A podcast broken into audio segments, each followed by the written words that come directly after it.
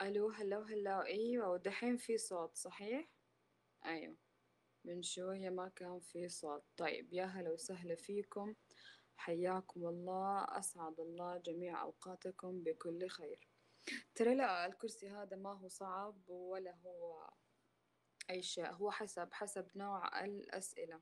نهى حي الله نهى حي الله مسطرة يا هلا وسهلا وعليكم السلام ورحمة الله وبركاته. حي الله الضيف. يا هلا وسهلا. وعليكم السلام ورحمة الله وبركاته. ما شاء الله. يا أهلين ويا سهلين. السلام وعليكم عليكم. السلام ورحمة الله وبركاته. أسعد الله صباحك. بكل خير شاهين. أنت والموجودين بإذن الله ويا رب كمان يسعد صباح آه، يا الجميع بكل خير. إيه في أنت في مو كيف؟ أقول كيف أمورك؟ طمنين بالحمد عليك والشكر أنت كيفك؟ يا رب تكون في أفضل حال. الحمد لله. الحمد لله مية المية وعلى العال جميل جدا. طيب عبال ما يا الناس بتجي وكذا أنا راح أجهز البريد اللي هو كالعادة. مشكلة اسأل أو رسالة إلى الضيف. وبهذه يعني بهذه المناسبة يعني أنا عادة برضو أسأل الضيوف إذا جاني آه، رسالة أو سؤال من شخص مجهول الهوية عندك عادي إني أعرض البريد ولا عندك بعض التحفظات؟ عادي. من عادي. كل شيء. يا هلا وسهلا بالقعدة هلا وسهلا بسماح يا هلا وسهلا فيكم. تمام حلوين. يا حي الله الجميع يا هلا وسهلا أنرتم البث. طيب. جميل. بس آه، ثواني لأنه ما شاء الله آه، للبث هذا فيه ثلاثة صور. فأنا الحين قاعدة أدور على الصورة الثالثة. يا في كمان إهداء. الصورة الثالثة إهداء. راح تحذر من مين أوه. أيوة. فأنا مو عارفة هي فين راحت. إيش صار فيها؟ طيب مو مشكلة إن شاء الله راح. بالضبط. يا هلا عليكم السلام وعليكم السلام. حيا الله. آه حياكم الله. أنرتم ألبث. والله هي ما أنا عارفة فين. يلا إن شاء الله خير. راح أدور لها بين في الفواصل. طيب يا هلا وسهلا. اللي حابب يسأل آه، سامر أو مسطرة أي سؤال أو يوجه له رسالة. حياكم الله عندكم البريد. آه حمزة يا هلا وسهلا فيك يا حمزة. جيت يا مستر عشان أسلم. الله يسعدك الله يسلمك يا رب من كل شر. طيب طيب يا حمزة مش مشكلة إن شاء الله خير. يا هلا وسهلا فيك. آه طيب حلوين. بداية آه كيف آه مزاجك الآن؟ آه مية المية فل الفل على العال أنا صاحي قبل شوي بس it's okay يعني الحمد الحمد لله لله. اللهم لك الحمد والشكر دائما وأبدا. جميل. اللهم آمين okay. آه طيب. وكيف عادة تحب بتعرف عن حالك يا مسطرة؟ والله شوفي لكل مقام مقال يعني في كل مكان يحتاج التعريف إنه يكون آه، متقولب أو متناسب مع المكان هذا. لكن هنا أقول لكم أنا اسمي سامر آه، أخوكم الصغير من الطائف أحب أسولف أحب أتكلم في أشياء كذا أحب أقول رأيي في أشياء كثيرة. فهذا يعني لو قلنا على صعيد البرامج وكذا على صعيد اللقاء هذا ممكن أنا سامر برضو من الطائف نفس الفكرة عمري تسعة وثلاثين okay ممكن أكون مهتم بالتنمية البشرية الوعي والإدراك ال business التسويق ال coaching يعني الأمور هذه من الأمور المحببة بالنسبة لي. جميل جدا. فبصورة مبسطة جميل جدا. يا هلا وسهلا فيك. حلو. آه طيب بالبداية ليش اخترت الاسم المستعار هذا؟ أو ليش مسطرة؟ يعني هي أكيد أو أنا حاسة إنه عند لها آه زي إنه حدوتة أو موقف ما لا دلالة. ما لها أي. شيء. دلالة دلالة دلالة ما نعم. أخبرنا بها. فعلا آه مثل ما البعض يعرف كان الاسم عبارة عن كلمتين مسطرة ومدورة. مسطرة كناية عن وضوح مسار أو اعتدال أو استقامة أو إنه شيء كذا دغري مهم. فاهمة؟ المدورة كانت الأشياء اللي ممكن آه، تعجزني عن أن أكون آه، على الاستقامة اللي أرغب فيها. آه، شيء أشياء تمنعني في المجتمع في البيئة في الثقافة في التفكير اللي أنا كنت فيه في وقت من الأوقات. بس خرجت من ال- النقطة هذه نقطة العوائق حاولت إني أخليها مسطرة لوحدها. وأتمنى من الله إنه ربي يرزقني يمن علي بالشيء هذا إنه أكون مستقيم في وقت من الأوقات. يا رب يا رب. فهذا هو. جميل جدا حبيت. ما أنا حسيت حسيت إنه يا يعني ال الاسم أكيد على قولتك له الدلالة. نعم. دلالة. لأنه. طبعا ما أعرف ما شاء الله يعني أنا لاحظت أو انتبهت في الفترة هذه اللي يعني آه رجعت فيها في سبون مرة ثانية إنه طبعا الكثير ما أعرف إذا أسميها ال... إنه بي... بيتنمروا أو بيت المهم على يعني إنه ليش ليش مم. مسطرة ليه مو مقلمة مسطرة ولا فاهم كده يعني ما شاء الله بيصير دمهم خفيف. هذه هي الفكرة يا شان اللي ما يعرفك ما يقدر يعرف الأشياء الخاصة فيك أو أشيائك الخاصة. فما مش كل أحد ممكن يعرف الشيء هذا. كثير بيسألوني عنه. يعني أول ما أدخل عند أحد يقول لي أنت مسطرة ولا مقلمة؟ ها ها ها ها فاهمة؟ يعني ماخذها بس فرع أيوه الضحك لكن ما يأخذها الفرع الثاني. ف يعني عادي يعني ما ما عليه عوافي الحين صار الموضوع إنه كل ما أدخل مكان مسيطرة فتطور بعد المقلمة بعد الضحك وبعد كذا صارت مسيطرة مسيطرة. فلا أحكي لك والله. ال- الأغنية. الأغنية. بالضبط. عشان الاغنيه وصح من جد كمان على قولة نهى برضو كان في السؤال هذا إنه ليش بالصاد مو بالسين. طبعا أنا من النوع اللي كذا يكون عندي فلسفات تجاه نعم. الأشياء. فالصاد والسين آه، أمطرت فلما رأيت السين غارقة سارعت بتغطيتها فأصبحت سينها صادا كما العين ترى. وفي سينها أكون أنا. السين عبارة عن حرف اسمي أو مكاني أو سامر. فإني خليتها صاد زي كأنها دلالة إنه أنا حاولت أحمي نفسي من الأمطار اللي جات حولي الأفكار المجتمع الظروف الكذا يعني أمور كثيرة. فحاولت إني آه، أغطي نفسي أو أحمي نفسي بطريقة ما. ممكن يكون شيء منطقي بالنسبة لكم ممكن لا بس بالنسبة لي أنا كانت هذه المنطقية في إنه السين آه، تصبح صاد. كنوع من الحماية والتغطية لسامر بالعكس ترى يعني جميل جدا بغض النظر عن إنه منطقي أو لا إنه حلو حلو كده إنه الواحد يكون عنده فلسفته الخاصة إنه ليش بيسمي كده؟ يعني أحس حلو ف يعني صراحة أنا الحين كده. يعني فهمت فهمت السبب لأنه برضو أكيد أنا كمان كنت حابة أعرف ليه. فجميل حلو. طيب يا حلو. حلو. آه، تخصصك الدراسي أو مجال عملك. طيب. آه، الشهادة اللي أملكها اللي هي كانت أشعة أشعة تشخيصية دبلوم أشعة تشخيصية. بس ممارساتي العملية كانت آه، غالبا في في في خدمة العملاء. فاهتماماتي أنا الشخصية في ال business في ال coaching فتقدر تقولي كشكلة كذا كشكول. فما أعرف يعني التخصص العملي اللي اشتغلت فيه الأشعة واشتغلت كخدمة عملاء أو إداري بشكل كبير في حياتي. ال coaching برضو في عندي شهادات في ال coaching برمجة آه، علم نفس. يعني جميل كذا حلو. حسيت إنه بالفعل يعني يمكن ما أعرف يعني حلو لما الواحد كده يكون عنده يعني أكثر من مجال في ال- العمل. إنه مثلا بيمارس آه، الهوايات. أنا اللي فهمته إنه التدريب أو شغفك للتنمية البشرية. يعني هذا إحدى ال ال ال الهوايات اللي كانت عندك صحيح؟ فيعني بالإضافة إلى يعني عملك اللي هو ال- الأشعة وكده فحلو حلو الواحد فعليا يعني يعني بيمارس الهواية اللي بيحبها و ويطور فيها وحتى إنها بتكون يمكن يعني باب من أبواب الرزق له. من كثر ما أنا أحبها شاين يعني خلاص تركت جو آه المستشفيات. سبته إنه خلاص. إمم. إيه خلاص أنا أبغى أتوجه للموضوع هذا أبغى أركز في الموضوع. هذا. لأنه فعلا ممتع بالنسبة لي. يعني إيه شيء وجدت نفسي فيه. وجدت حق جميل جميل جدا.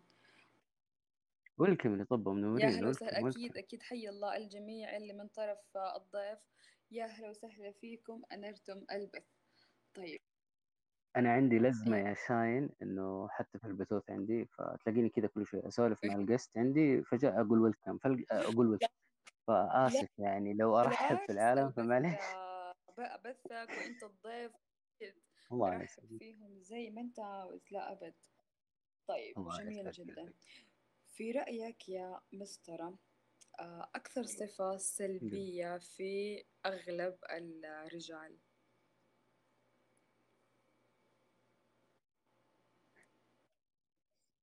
أكثر صفة أو سلبية خلينا في نقول عامة. الرجال بلاش كلمة كلمة أغلب زعلت الكثير خلينا نقول عامة. ما أعرف هو إيش إيش الفرق بس يا مم.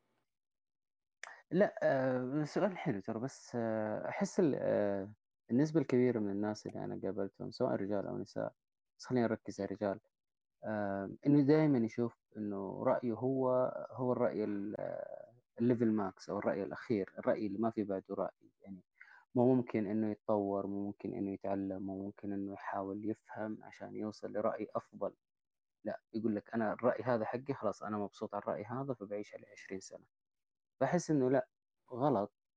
لما ما تحاول آه، تطور نفسك ما تحاول تفهم الأمور من زوايا مختلفة أو كذا حيكون شيء آه، جدا سلبي. لأن الأشياء من حولك بتتغير فرأيك لابد إنه يتغير كنتيجة.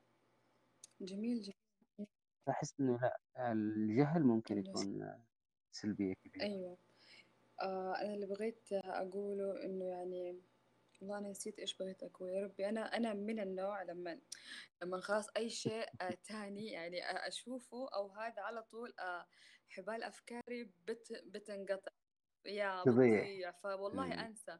يعني فعليا هذه يمكن من أبرز المشكلات اللي أنا قاعدة أعاني منها. مش مشكلة. طيب. لا ما عليك إن شاء الله الله. أنا اللي بسيطة. بغيت أحكيه وافتكرت إنه آه، بالنسبة لي يعني أنت يعني طبعا في في رأيك كان إنه إنه هذه هي أكثر صفة آه، سلبية في أغلب الرجال. طب يعني في رأيك بقى برضو أيضا إنه إنه ليش؟ يعني إيش الشيء أو إيش الأسباب اللي أدت يعني طبعا البعض اللي بتنطبق عليه هذه الصفة إنه هو يشوف حاله كذا.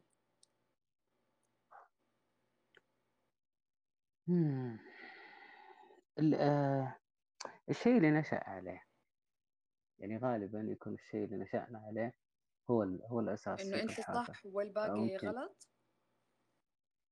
مش أنت صح والباقي غلط إنه ما في الثقافة حقت لا اسمع آه، شوف ترى يمكن الموضوع هذا اختلف يمكن الموضوع هذا تطور يمكن الموضوع هذا حصل فيه تحديث أو شيء فهمتي؟ الفكرة إنه لا على الرأي الواحد خلاص امسك في الرأي هذا وحطه في جيبك وقفل عليه لا لا تجدد ولا تحسن ولا أمم تسوي أي حاجة. هذا يعتبر إشكال. يعني أنا عشت الأمور هذه أمم بنفسي. فكانت البيئة حقتي يعني ناس يحملون شهادات كبيرة وكذا. لكن في النهاية الأفكار هي نفس الأفكار اللي كان زي كأنه ما عندهم شهادات. إيش الفرق؟ إن يكون معك شهادة أو يكون عندك معرفة وأنت رأيك نفسه هو هو ما تغير. هذه ما هي منطقية إنه لا بيصير في تعديل آه، نظرتك بتتغير آه، الزوايا اللي بتشوف منها بتكون أوسع. بحس إنه لا ما في الثقافة حقت إنه لا أنا أتطور أنا أنا متغير والحياة من حولي ثابتة. لا كل العالم أصبحوا يشوفون نفسهم ثوابت. أو الأغلبية أو نسبة إلا كبيرة أيوة كمان أنا يمكن اللي فهمته من كلامك يمكن كمان يعني الناس المعنيين بالشيء هذا يمكن اللي هم أكبر مننا سنا. بي يعني يمكن كمان. بيشوفوا الموضوع هذا من باب إنه التمسك بالمبادئ وإنه أنا ما ما أغير من المبدأ. صح كده؟ يا هلا وسهلا فيك يا صهيب صح. مع إنه يعني أحس المبادئ ما لها دخل بانه يعني يعني بالفعل أوعى أكثر. يعني أفهم أفهم الموضوع هذا يعني أكثر من وجهة آه، رأي لكن سبحان الله أيوه لا ما أعرف. يعني إيش دخل المبادئ والتمسك بها بين إنه أنت ب بتفهم إنه لأ ترى يعني يمكن بالفعل يكون هذا الشيء يعني أتطور. يمكن بالضبط اتطور اتحسن يعني أي اتجاه كان. يعني حتى من زمان شاين لا اسمحي لي لو قطعتك. إنه ما كان في عندهم الإمكانية إنه ما كان في عندهم الوصول للمعارف بالشكل هذا اللي نعيشه اليوم. فما كان عندهم الثقافة. هم ليش من أهاليهم من أهاليهم من أهاليهم؟ ما كان في متوارث الموضوع هذا إنه لا الأمور ممكن تتطير آه، تتطور وتتحسن أو كذا. فكانوا ماشيين على نفس الرتم. الحين عصر الانفتاح هذا اللي إحنا نعيش فيه حاليا ممكن آخر عشرين سنة تغير الموضوع. أمم. فصار الناس بيشوفوها من من زوايا مختلفة وهذا شيء حلو. بالتكنولوجيا والإنترنت بالفعل يعني أحس صار إنه لما الواحد يعني يبغى يعرف عن أي معلومة كانت يعني بالفعل أكيد أسهل أسهل ويفرق عن أمم، الجمل مم. الزمن انفتحت أبواب أكثر على المعرفة يعني خلاص أصبح حلو إن الواحد آه، أو سهل إن الواحد يتعلم.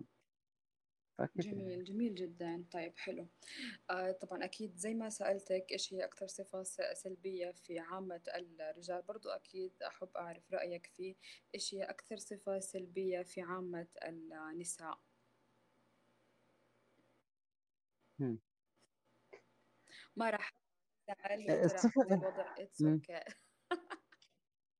لا لا لا شوفي مو مو مو حكاية آه، خايف أو شيء. لا لأنه ال- الكلام هناك الجهل أو مشكلة إنه الواحد يمسك برأيه بعتقد إنها على الرجال وعلى النساء. بس لو جينا مثلا قلنا عن النساء خلينا ندور مشكلة ثانية أو سلبية ثانية نشوفها. ممكن سلبية ال- الإذن الطايحة في كل مكان خليني أقول. الحشرية. يعني انها تسمع لا. تسمع لأي أحد وكل أحد. والكم فهمت يهاني فسماعها لأي أحد وكل أحد. ممكن يتعبها ممكن يخليها تكون مشوشة ما تقدر تحكم. وهذا يرجعنا لإيش؟ يرجعنا لمسألة سامر د... ثواني صوتك راح. أيوة دحين okay. الحين؟ نعم رجع الصوت. okay. فانا ما انتبهت ترى إنه علق إلا توي. ف إيش كنت أقول؟ آه إنه لما تسمع لأي أحد. وكل أحد ممكن توصل لمرحلة من المراحل إنه تكون هي مشوشة. فما تقدر تتخذ قرار صائب أو قرار صحيح. فأحس إنه الجهل لا يلعب دور كبير إنه لازم هي تكون واعية ومدركة آه تشوف المعطيات اللي عندها لأنه مو شرط تكون نفس المعطيات عند أي أحد وكل أحد. فكل شخص في عنده معطيات خاصة في عنده ظروف خاصة لازم يفهمها يتعلم منها يتعايش معها. آه حلو إلا والله يعني دحين اتفضل آه أكمل.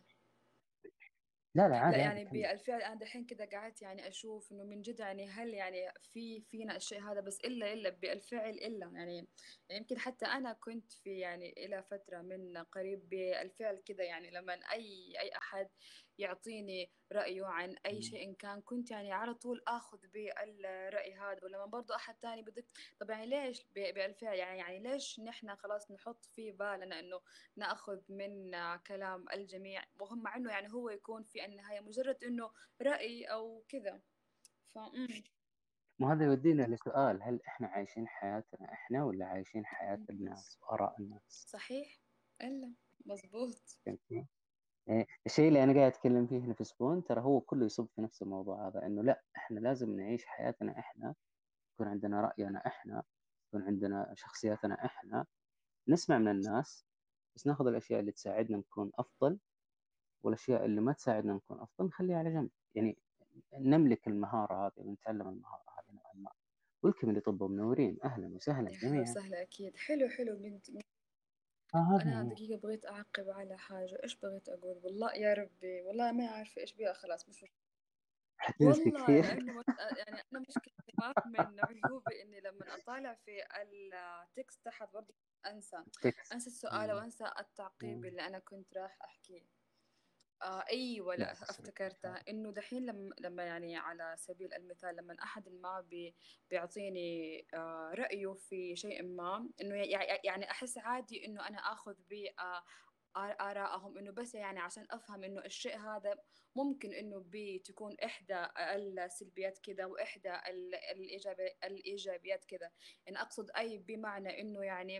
إنه آه، يعني عشان بس أفهم الخلفية العامة عن الم- الموضوع هذا لكن أكيد مو بالضرورة إنه هو هذا الشيء راح يصير هو هذا الشيء. مو شرط إني آخذه بالكلية صح أمم. يا هلا وسهلا فيك يا أستاذ عبد الله الماجد يا هلا وسهلا. طيب يا أهلا وسهلا طبعا بالجميع. أنرتم البث. آه طيب. هواياتك آه إيش هي؟ هواياتي إيش هي؟ يعني واحدة من أفضل الهوايات اللي أنا أنبسط عليها أو أجد نفسي فيها اللي هي السباحة. آه، ممكن التصوير التعلم والتعليم الذاتي خلينا نقول. يعني هذه هذه من الأشياء اللي ممكن أنا أسويها عمري كله. يعني أقضي وقت طويل وأنا أسويها ما عندي مشكلة. إنك ب... بتعلم حالك وكمان بتعلم الناس الثانية. أي ممكن مثلا لو أخذنا واحدة واحدة السباحة ممكن يعني في مرة من المرات عادي نزلت البحر من الساعة ستة الصباح آه، خرجت المغرب. يعني وقت واحد كذا الله شدة 12 واحدة. ساعة ما شاء الله. إيه. إيه فهذه أشياء إيه أنا مرة أحبها يعني فيها أمم. أشياء مرة حلوة التصوير عادي ممكن آه، كنت أطلع أصور يعني زي كذا أنا فترات كنت راح راح أصور أسألك آه، التصوير هو التصوير الفوتوغرافي بالكاميرا وكذا مم، سواء كان مم، الناس مم، مم، أو مم. الأشياء عادي ولا لأ لا الأشياء البورتريه آه بحاول أبعد عنه قد ما أقدر لأنه مو مو- مش مش الشيء اللي. يستهويني بحب أشوف اللاندسكيب أفضل آه، التعليم الذاتي برضو نفس الفكرة يعني عادي ممكن أحبس نفسي في مكان فترة طويلة سبع شهور ثمان شهور عشان أتعلم حاجة عادي. أيوه. أحس إن هذه هذه هي أفضل ال- أو أكثر الهوايات عندي. جميل جدا ما شاء الله. حلو. طيب آه أولوياتك الآن في الحياة إيش هي؟ أنا ومن بعدي الطوفان. أوه. أفهم أتعلم أمم، أكون نسخة أفضل من ذاتي القديمة أكون قابل للتطوير والتحسين بأفضل طريقة ممكنة وبما لا يضر أحدا. بعد كذا حيكون فيني فائدة للآخرين أو للمجتمع. فكل ما كان فيني فائدة لنفسي كل ما كان فيني فائدة لغيري. مش أنانية بس آمنت إنه أحيانا لازم نركز على أنفسنا عشان نقدر نكون انعكاس كويس على اللي حولنا. يعني مثلا أقدر أساعد لو أبغى أساعد أخوي أختي أمي أبوي ما حقدر أساعدهم لو ما ساعدت نفسي. فهمتي؟ أيوه. إنه أساعد نفسي أولا أقدر عشان بعدين أقدر أساعد غيري. لأن في البعض يمكن بالفعل آه، النقطة اللي ذكرتها يمكن هم تكون من آخر أول أولوياتهم. بي بيشوفوها إنه يمكن هذا الصح لأن هم بيضحوا عشان أهلهم بيضحوا عشان الناس اللي بيحبوهم. فبالتالي هم حاطين حالهم آخر أولوية. وفي فرق إنك تتعلمي بالطريقة السهلة وإنك تتعلمي بالطريقة الصعبة. يعني 39 سنة علمتني بالطريقة الصعبة. يعني فوصلت للاستنتاج هذا بعد فترة طويلة مش فترة. بسيطة. فنفسك أولا وبعدين أي حاجة وكل حاجة. آه، جميل جدا برضو. أنا هنا لما قلت أنا ليش من جد يعني أنا من زمان كان عندي التساؤل هذا؟ ليش يعني أغلب الناس عندهم لما أحد بي بيقول أنا أو لما هو حتى بيتكلم عن حاله يقول أنا وال والعياذ بالله من كلمة أنا. يعني أنا من جد أنا هنا حاطة استفهام يعني ليش الناس بيتعوذوا من كلمة أنا أنا عندي نفس الإشكال إنه ليش؟ يعني ما أعرف ليش ليش إيه ليش العالم يتعود من كلمة أنا ليش ليش العالم لما تسمع شخص يقول أنا يقول لك لا هذا نرجسي أو يقول لك هذا عنده الأنا العالية أو الأنا. العليا أو يعني هل هي مذلة للدرجة هذه؟ هل الآدمي قاعد يخطئ على أحد؟ هو قاعد يعرف بنفسه إنه هو في حاجة معينة أو عنده حاجة معينة أو يقوم بعمل ما فأعتقد إنه من الطبيعي إنه يعرف يقول أنا. هذا شيء منطقي بالنسبة لي. ففي ناس إنها لا بتحاول تعلل أو تسبب الموضوع هذا بطريق بطرق مختلفة. مم. ما أدري إيش الوضع. بالضبط. يعني أنا عندي نفس أيوه، يعني المشكلة. حتى في الخطابات يكونوا ناس يعني متعلمين وعندهم المراكز هذه اللي تخلّيهم إنهم حتى في خطاباتهم ي والعكس أس أستغرب، والله مرّة أستغرب. أيوه، إيش العياذ بالله. من كلمة أنا؟ يعني أنت قاعد تقول أعوذ يعني بالله من نفسي والّا إيش نهي؟ الوضع بالضبط؟ يعني أنا صراحة ما أتوقع أبدًا إنه في نهي آآ نبوي أو آه، كذا، طَب يعني ليش؟ إيش السالفة؟ ماني فاهمة، فحلو، حلو إنه كمان حتى أنت بتتساءل. إنه ممكن في بعضهم كذا أنا، أنا، أنا، أنا فاهمة بشكل متكرر أو بشكل over هذا أوكي ممكن أقول لك إنه هذا ممكن يصل إلى مراحل من النرجسية أو إنه شايف نفسه أو غرور إمم، أو كذا، بس إنه كتعبير عادي متداول دارج أقدر أعبّر. يعني هذه الجمل حقتنا حقت اللغة إنه أتكلم عن نفسي أقول أنا، أيوه. أحس إنه شيء طبيعي. ما في. جميل، جميل جدًا. لأ من جد والله أنا يعني صراحة أنا أول مرّة يعني أشوف إنه برضه في شخصٍ ما آآ يعني إنه بي بي بيتساءل. يعني صراحة آآ كم مرّة أنا طبعًا سألت السؤال هذا لأكثر من شخص. يعني كانوا متفقين أيوه إنه ليش أنا؟ إلا صح ليش أنا أنا المهم طيب يا جماعة بس أنا دحين يعني أعرف إمم. مين اللي راح يجلسوا معانا عشان حابة أعطي آآ manager كمان ل آآ 3 آه okay طيب تمام. مش مشكلة خلّينا نشوف سماح، يعني غالبًا أنتِ راح تجلسي okay، يا هلا وسهلا طبعًا بالجميع. طيب، هل عندك آآ فوبيا ما يا مسطرة؟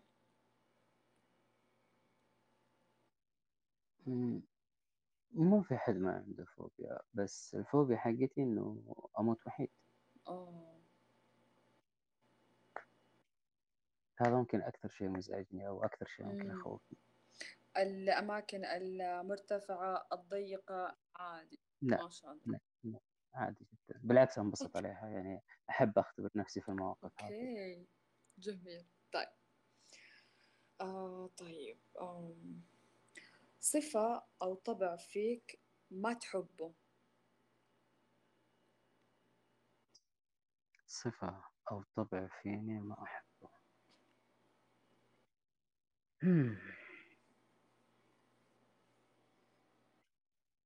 ما أعرف ممكن التفاؤل الزايد، مو ما أحبه عشان هو سيء، لأ، ما أحبه لإنه في أشخاص ما ينفع معاهم، وأعرف إنه ما ينفع معاهم وبرضه أكون متفائل تجاههم. وبرضه أنصدم فيهم،؟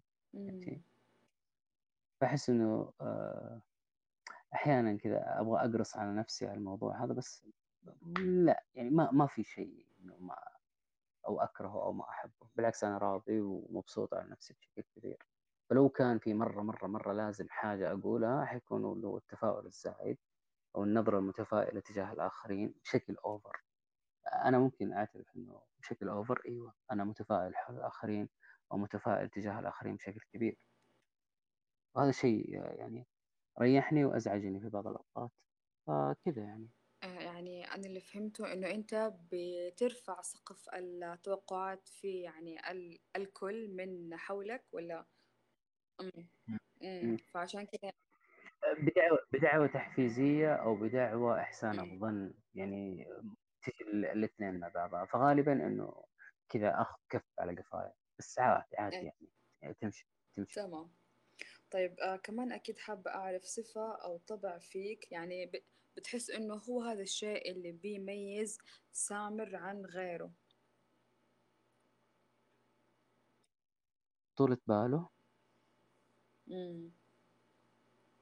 جميل جدًا. يعني ما أدري كذا أحس ناس كثير تجيني تقول لي اسمع أنت طويل بال بشكل يخوّف، بشكل كذا أحيانًا يرفع الضغط، أحس إنها ميزة.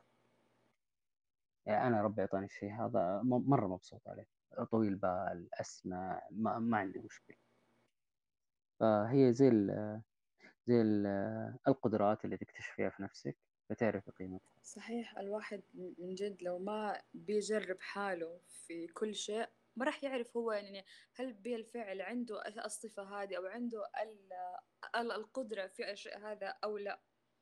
ف يمكن شغل المستشفيات هو اللي خلّاني أكتشف الموضوع هذا، المستشفيات دائم تتعاملي مع المريض فلازم إنه يكون بالِك طويل، ولازم يكون عندِك القدرة إنِّك تتحمّليهم أو تسمعي لهم أو كذا، فيعني إيه، كانت كانت جدا مثرية التجربة هذه. أكيد أكيد العمل في المستشفيات واو ما شاء الله من جد أحس يعني في كل الخبرات اللي ممكن إنك بتاخدها في بيئات العمل ال- ال- الثانية يعني. لأنه أنت بالفعل بتت- بتتعامل مع أكثر من من شخصية أكثر من شريحة كذا الكل الكل يعني عندكم فآه أكيد راح يكسبك الكثير من الخبرة. طيب أنا بس حابة أخذ فاصل آه بس بسيط يعني ما آه نمل. لا استنى. الفاصل معك أنت. هي. الفاصل حتى لا إله إلا الله. الفاصل دينا حتفصل تفصيل يا جدعان. هو في إيه؟ الفاصل هو عبارة عن آه لعبة. طيب اللي هي مم. الفوارق العشرة. فأنا راح أعطيك من الزمن آه أنت شكل شكله نظرك مو هذا مو فل ولا؟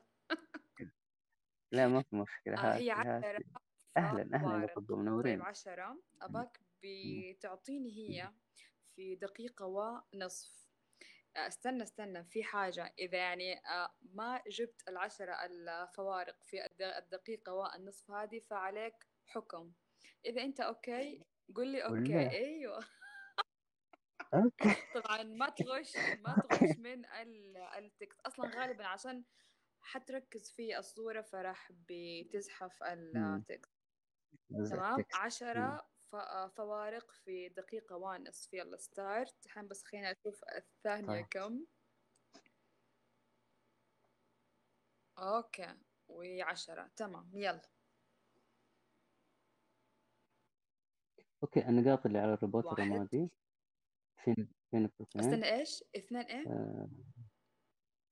هي النقاط اللي على الروبوت الرمادي اللي تحت واللي لا هي هذه خ- دحين آه. واحد. آه خلاص دي كل. واحد اثنين آه اللي هو الروبوت الأحمر اللي مقابل الروبوت الرمادي. إيش بو؟ قول لي إيش بو؟ لونه متغير رمادي وأحمر اثنين. رمادي. يعني اللي فوق آه، متغير عن الثاني.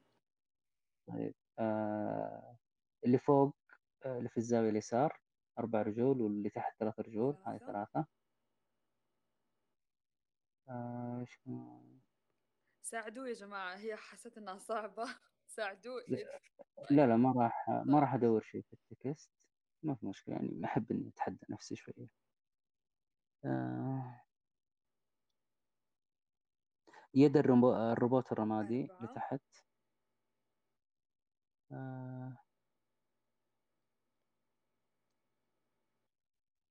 الروبوت الرمادي اللي على اليمين. تحت مبتسم وفوق خمسة زعلان خمسة. آه الروبوت الأصفر. تحت على على راسه ما في شيء وفوق على راسه شيء. ستة. باقي أربعة. مم. الروبوت الأصفر برضو على صدره. الوقت خلص. وانت انت جبت سبعة. مش مشكلة. آه، الوقت خلص يعني. آه، خلاص انت اوريدي عليك حكم لكن عادي طبعا. انه انه آه، انه نشوف فين آه، باقي. أوه الزر الأحمر. زر احمر مم. تبع okay يا welcome أهلا أيوه شو welcome بالجميع مم. حياكم الله أيوه. دحين آخر حاجة إحنا قلناها إنه ال- المستطيل الأحمر اللي على الكيبورد صدر ال- الروبوت okay دحين هذه كانت رقم. سبعة. بقى عندنا آه مم. ثلاثة.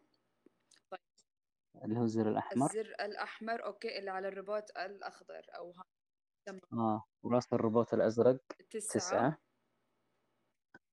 وين العاشر؟ شوف في آه، الرباط ال- اللي هو أكثر واحد فيهم هذا اللي على آه، قدام عليه زي الأزارير فوق مم. اثنين وتحت أربعة شفتها؟ هو هذا قلت من؟ البداية مم. طب استنى لا. يصير في في آه، عشرة في واحد جول زيادة أيوه. آه، الأريال اللي فوق راس الروبوت الأصفر صح؟ آه، قلته؟ قلته طيب قلت يا جماعة. خلونا نشوف فين ألعب أرجل الروبوت الأحمر آه قلتها. المست... الروبوت الأزرق برضو في في في بطنه في صدره. آه آه هناك ما okay هو فيه هنا فيه. أوه. حلوين. طيب يا. جماعة راح طبعا. الحكم راح يكون آخر البث. مو دحين لأنه إحنا لسه ما شاء الله عندنا الكثير من الأسئلة. بس هذا كذا كان فاصل يعني عشان بنكسر جو الملل. إن كان طبعا في مع إنه أنا بالنسبة لي طبعا أكيد ما في ولا أي ملل. طيب حلوين. أوه إجاني سؤال من مجهول. بيقول لك لو عاد بك الزمن لعشر سنوات ماضية ما الذي ستغيره في مسطرة؟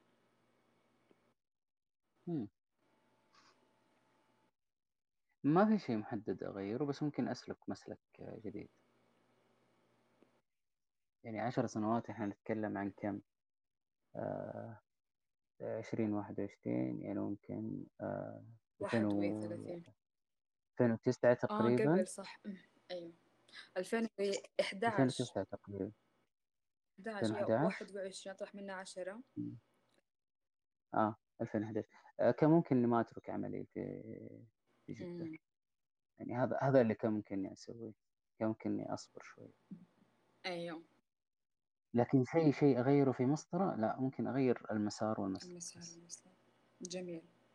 أكيد يا سماح ما في أي ملل. ترى أنا آه. ما كنت أقصد شيء بس أنا يعني عادة من آه، البثوث الماضية يعني آه، أقترحوا لي هذه الفكرة.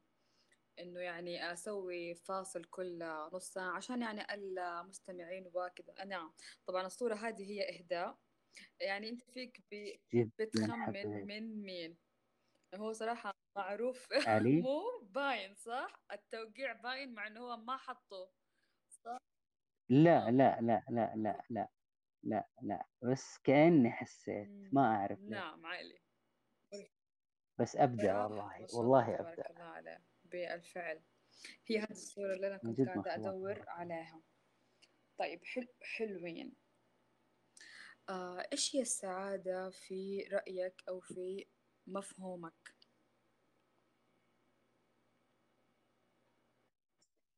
السعادة في رأيي أو في مفهومي؟ إنه أشوف كل شيء بالألوان. ما أشوف كل شيء يا أبيض يا أسود. أشوف كل شيء ملون.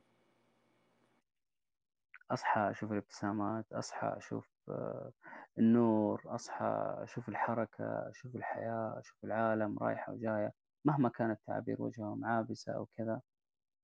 إني أصحى وأستشعر النعمة هذه إنه أنا صاحي إنه أنا موجود إنه أنا بصحة إنه أنا بعافية إنه أنا أموري تمام.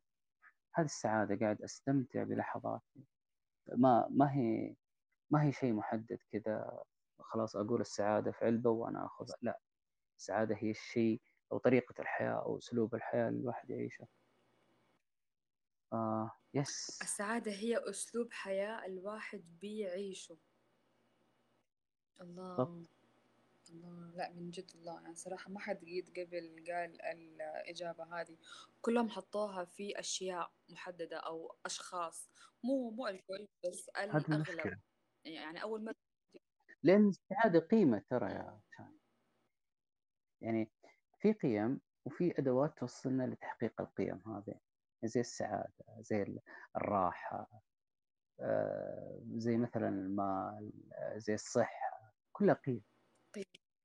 القيم هذه تطلب منك أشياء تسوينها بعدين تتحقق معك ما أعرف إنه ممكن أجوبتي يكون فيها شيء من الفلسفة نوعا ما أو مطولة بالعكس هو البث هذا كأنه قاطعتك لا أو البث شيء. هذا أصلا يعني لي يمين صراحة يعني أنا أحب كذا بالعكس أحب إنه الضيف يعبر براحته عن ال- الإجابة بالعكس يعني يعني حلو. لأنه أسمع يعني مثال تخيلوا مثلا يعني ك- يكون الرد إنه بكلمة أو اثنين أو نعم أو إيه ولا كذا أحس إنه أنا وقتها يمكن راح أكون مو مرتاحة إيه أصلا. لكن بالعكس حلو لما يعبر احكي يعطيني أمثلة. بالعكس يعني كده أنا بت... يعني راح أفهم إنه الضيف يعني إن شاء الله يكون في أفضل حال أو, أو إنه يعني مو شايل هم شيء فاهمنا فبالعكس حلو. بالعكس والله مستمتع جدا ترى مرة جميل جميل مستمتع جدا. لأنه أنا مو عارفة مين اللي مطلع عني سمعة إنه أنا أوتر الناس وأنا أس أسئلتي ما أدري إيش بها. يلا بس مش مشكلة. إحساس قلم يقول حسب المراحل التالية في التطوير الذاتي ممارس ثم ممارس متدرب ثم مدرب. أين وصلت بينهم والله شوف آه مارست ومارست وتدربت ثم أصبحت مدرب مدربين. ما شاء الله. يعني أنا عندي شهادتين مدرب مدربين واحدة بالعربي وواحدة بالإنجليزي. آه يعني أحس إنه أوكي الأمور هذه عديت فيها. مارست أشياء كثير بعدين تدربت وأنا أمارسها أو تدربت إني أتطور فيها وأنا أمارسها بعد كذا قدرت أدرب غيري عليها. آه أيوة. الحمد لله. اللهم لك الحمد دائما وأبدا. ما شاء الله ويعني أكيد من أفضل إلى أفضل إن شاء الله. آمين. يا الله رب يسعدك. طيب. هل تفضل أكثر الحياة الواقعية أو عالم ال social media؟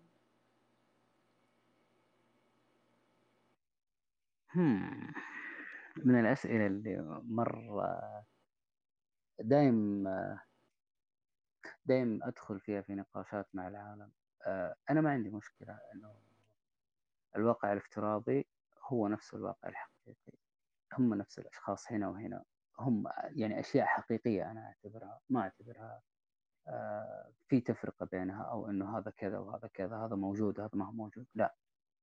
كل الاثنين بالنسبة لي يساوي واحد. في تعاملي مع الناس اللي في الواقع الافتراضي أو تعاملي مع الناس في العالم الحقيقي أو الواقع اللي نعيشه الحياة الواقعية خلينا نقول آه، نفس الشيء. فالأشخاص اللي هنا هم اللي هنا عادي. الاثنين يساوي واحد بالنسبة لي. جميل حلو. يعني أنت ما بتفضل شيء عن شيء لأنه أنت في رأيك إنه يعني كلهم آه نفس الشيء. يعني مو إنه في مو لأنه بالفعل في الكثير من الناس يعني بيشوفوا إنه العالم ال social media إنه نحن ناس مو حقيقيين. طب أهو يعني أنا أنت يعني هل أنت مو حقيقي؟ يعني هنا أنا أنا يجيني استفهام الشخص اللي بيشوف إن إحنا مو حقيقيين. طب أنت أنت اللي بتقول الكلام ده فهذا معناه إنه أنت مو حقيقي ف جميل جدا. أيوه يعني أنا اقيسها على نفسي. يعني هل أنا داخل عشان أتخفى أو داخل عشان أظهر؟ وعليكم السلام يا نرجسي ولكم في ناس لا يقول لك في عنده توجهات مختلفة فبيدخل يحس إنه الفضاء الإلكتروني فضاء يعني يساعده على إنه يتخفى يساعده على إنه يكون ما يرغب أن يكون يعني حتى لو كان العكس أو عكس الحقيقة بالكامل. فأحس إن هذا مسبب له مشاكل. هو هو بنفسه ما هو عارف هو إيش يبغى هو مين هو إيش هو كيف. وبالنسبة لي أنا لا. يعني أحس إن كلنا واحد هنا وهناك. يعني كلنا بشر ونتعامل بناء على مشاعر وعقول والأمور هذه كلها. أنا ما أقدر أدخل أسولف مثلا مع شاين وفي النهاية شاين تطلع software صح؟ والله. صحيح إلا من جد فعلا يعني شاين عندها مشاعر. فليش أنا عاملها؟ على إنه هي ما عندها مشاعر. عندها إحساس. ليش عاملها؟ على إنه ما عندها إحساس. أنا لما أهمشها وأقول لا هذا واقع افتراضي أصدقاء افتراضيين. يعني إيش؟ sticky note هم ولا إيش الوضع؟ عالم عندها مشاعر. فلازم أتعامل بناء على هذا المبدأ. لا والله بالفعل آه. تفضل. عادي قولي بغيت ارحب بغيت أقول welcome لطب كذا. لا إذا تبغاني أرحب الله يعينك تحملي. welcome نرجسي welcome نهى welcome عيوش welcome شهرزاد welcome ديانا welcome حساس قلم welcome جوبز welcome سماح welcome نوفي welcome سمر welcome عبد الله الماجد welcome سماح welcome وندي welcome Butterfly welcome الرائعة والجميلة والمتألقة والبراقة شاين برايت. طبتم وطابت أوقاتكم بكل خير وطابة. إن هو صباح صباحكم وإن هو مساء مساءكم أهلا ومرحبا بالجميع. لكلكون إن أنتم رأيتم أننا نستحق اللكلكة وفنفنونا إن أنتم رأيتم أننا نستحق الفنفنة. إلي بكم و إليكم أنا. تنتن عودة إليك يا حلو. حلو بالفعل لما يكون الشخص عنده البصمة اللي يعني خلاص بمجرد إنه الناس بي يسمعوها خلاص على طول يقولوا إنه آه ال ال الكلمة هذه أو الكليشه هذه إنه إنه تبع آه، شخص ما. فحلو. هذا كده اسمه البصمة الأثر.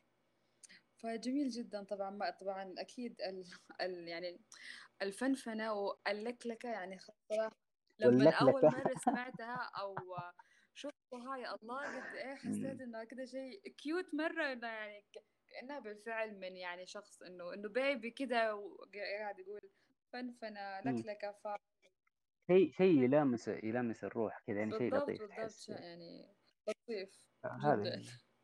جميل جدا. على قد على قد ما أتكلم بفلسفة على قد ما أنا طفل يعني اولا وأخيرا كذا يعني في عندي حاجات أحب أسوي زي زي العالم أسولف أضحك اكون شيء بسيط. شيء شيء شيء كذا من جد لطيف. جميل جميل. أكيد أكيد من حقك ومن أبسط حقوقك. طيب حلوين. يا سامر من عشرة بكل صراحة قد إيش أنت شخص مزاجي؟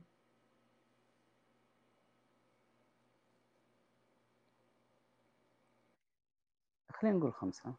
مم. لأنه آه أنا بشر. تمام. وفي أشياء أو في أوقات أو في ظروف أو في آه مشاعر معينة الواحد يمر فيها فبتساعده إنه يكون مزاجي. أنا ماني ثابت إنه طول الوقت فرحان ولا إني ثابت إنه طول الوقت زعلان. فلا في في التقلبات هذه أو في التغييرات المزاجية هذه. التغييرات هذه بالنسبة لي هي تكون منطقية تدل على طبيعة البشرية. فأعتقد إنه خمسة هي المستوى خلينا نقول المتوازن. اللي أقدر أتوازن فيه يعني ممكن أتحكم بتقلباتي أو تغييرات مزاجي ما ما تضر أحد أو كذا. بس أوكي أنا أشعر فيها أنا أحس فيها أنا متأكد إنها موجودة وأمر فيها حاليا. فكذا حلو. جميل جدا. طيب. ومن عشرة قد إيش أنت شخص مرن في التعامل؟ خمسة وعشرين. خمسة وعشرين ألف. لا من جد يعني المرونة هذه آه، كانت واحدة من نقاط القوة بالنسبة لي في عملي في المستشفى لا صراحة. مع جدا حلوة حسيت إني الرجل أي. المطاطي أوكي مع بث أمس بالذات يعني لاحظت كده ما شاء الله لا من جد أنت عندك طولة البال والمرونة يعني ما شاء الله خمسة وخماسة طيب الله يسعدك يا رب. لو كنت ممكن أهلا وسهلا. بالجميع طبعا لو كنت في يوم من ال- الأيام حتصير مشهور إيش هو المجال اللي أنت حابب إنك بتنشهر فيه؟ مم.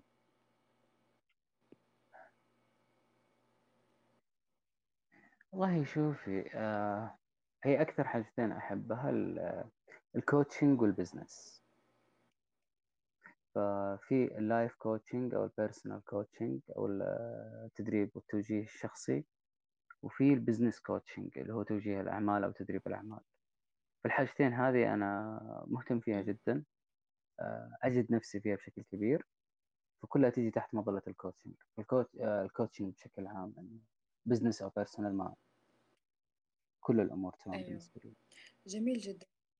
فغالبا coaching هو اللي راح بي- بتفضله عن ال business اللي أنت أو هذا المسار اللي أنا اخترته حالي حاليا. يعني من تح... من ال... إيه من ال coaching يتفرع جهتين يعني جهة هنا وجهة هنا بس الاثنين موجودة. جميل جدا. آه طبعا ما شاء الله في الفترة ال- الأخيرة ال life coaching يعني أظن هو آه مصطلح يعني من فترة ما كان فيه يعني يعتبر من المصطلحات الحديثة. يعني أيام زمان كان كنا بنعرف الطبيب النفسي آه فقط.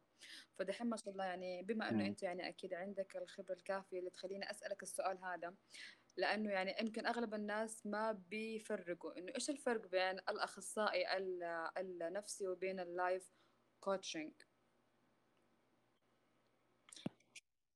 الأخصائي النفسي وال life coaching طيب ال- الأخصائي أو الطبيب طبعا في في نوعين في أخصائي وفي طبيب. هذا ال- النفسيين. الطبيب اللي هو طبيب يعالج دوائيا تمام؟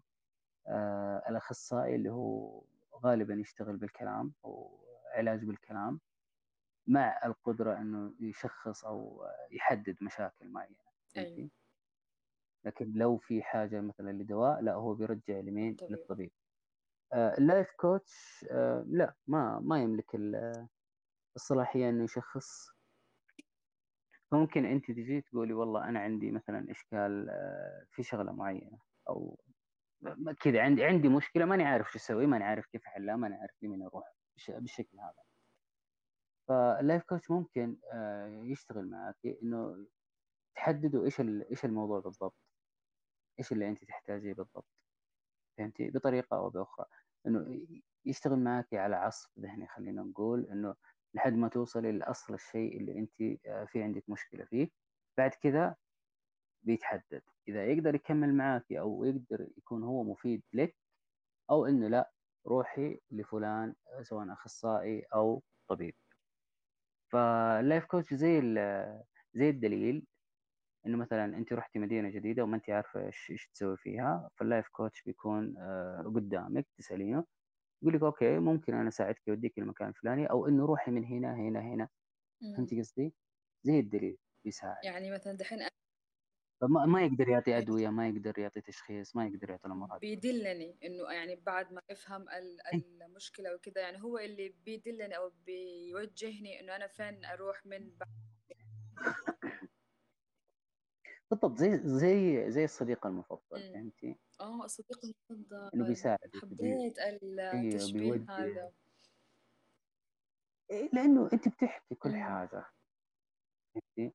فأنت تبغي أحد يسمع لك ال life coach بيسمع أو خليني أقول آه، أنا من النوع اللي بيسمع. من النوع اللي ما عندي مشكلة من النوع اللي ممكن أعصر عقلك شوية عشان تطلع معك أشياء جديدة أو أشياء مختلفة انت ما كنت شايفتها من قبل. فأحس إنها زي علاقة الصداقة ال- أو البست فريند خلينا نقول أو الصديق المقرب إنه بساعدك تشوفي أشياء انت مو قادرة تشوفيها لوحدك.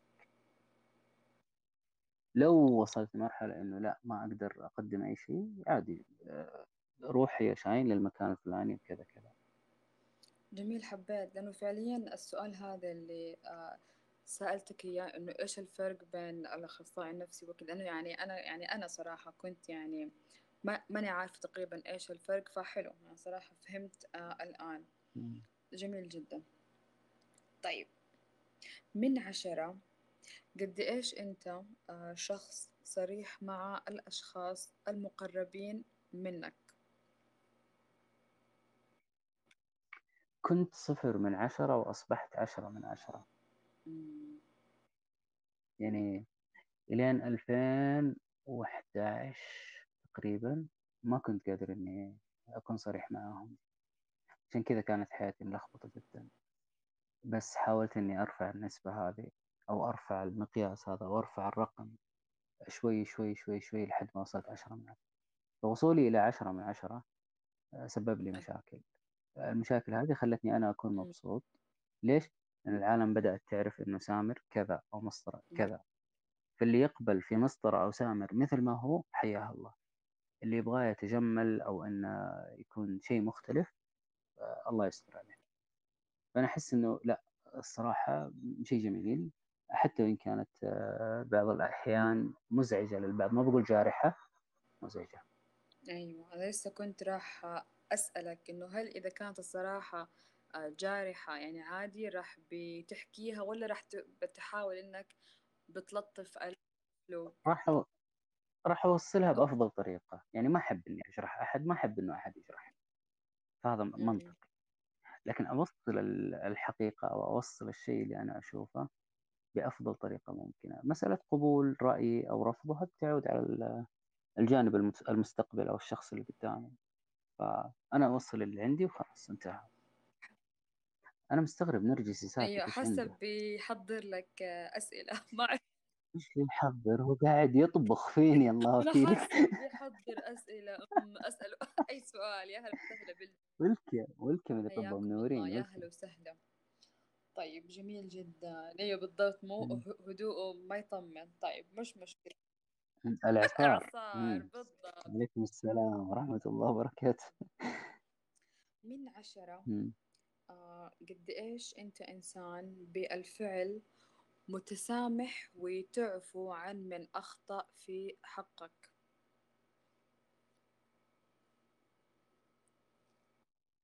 مم.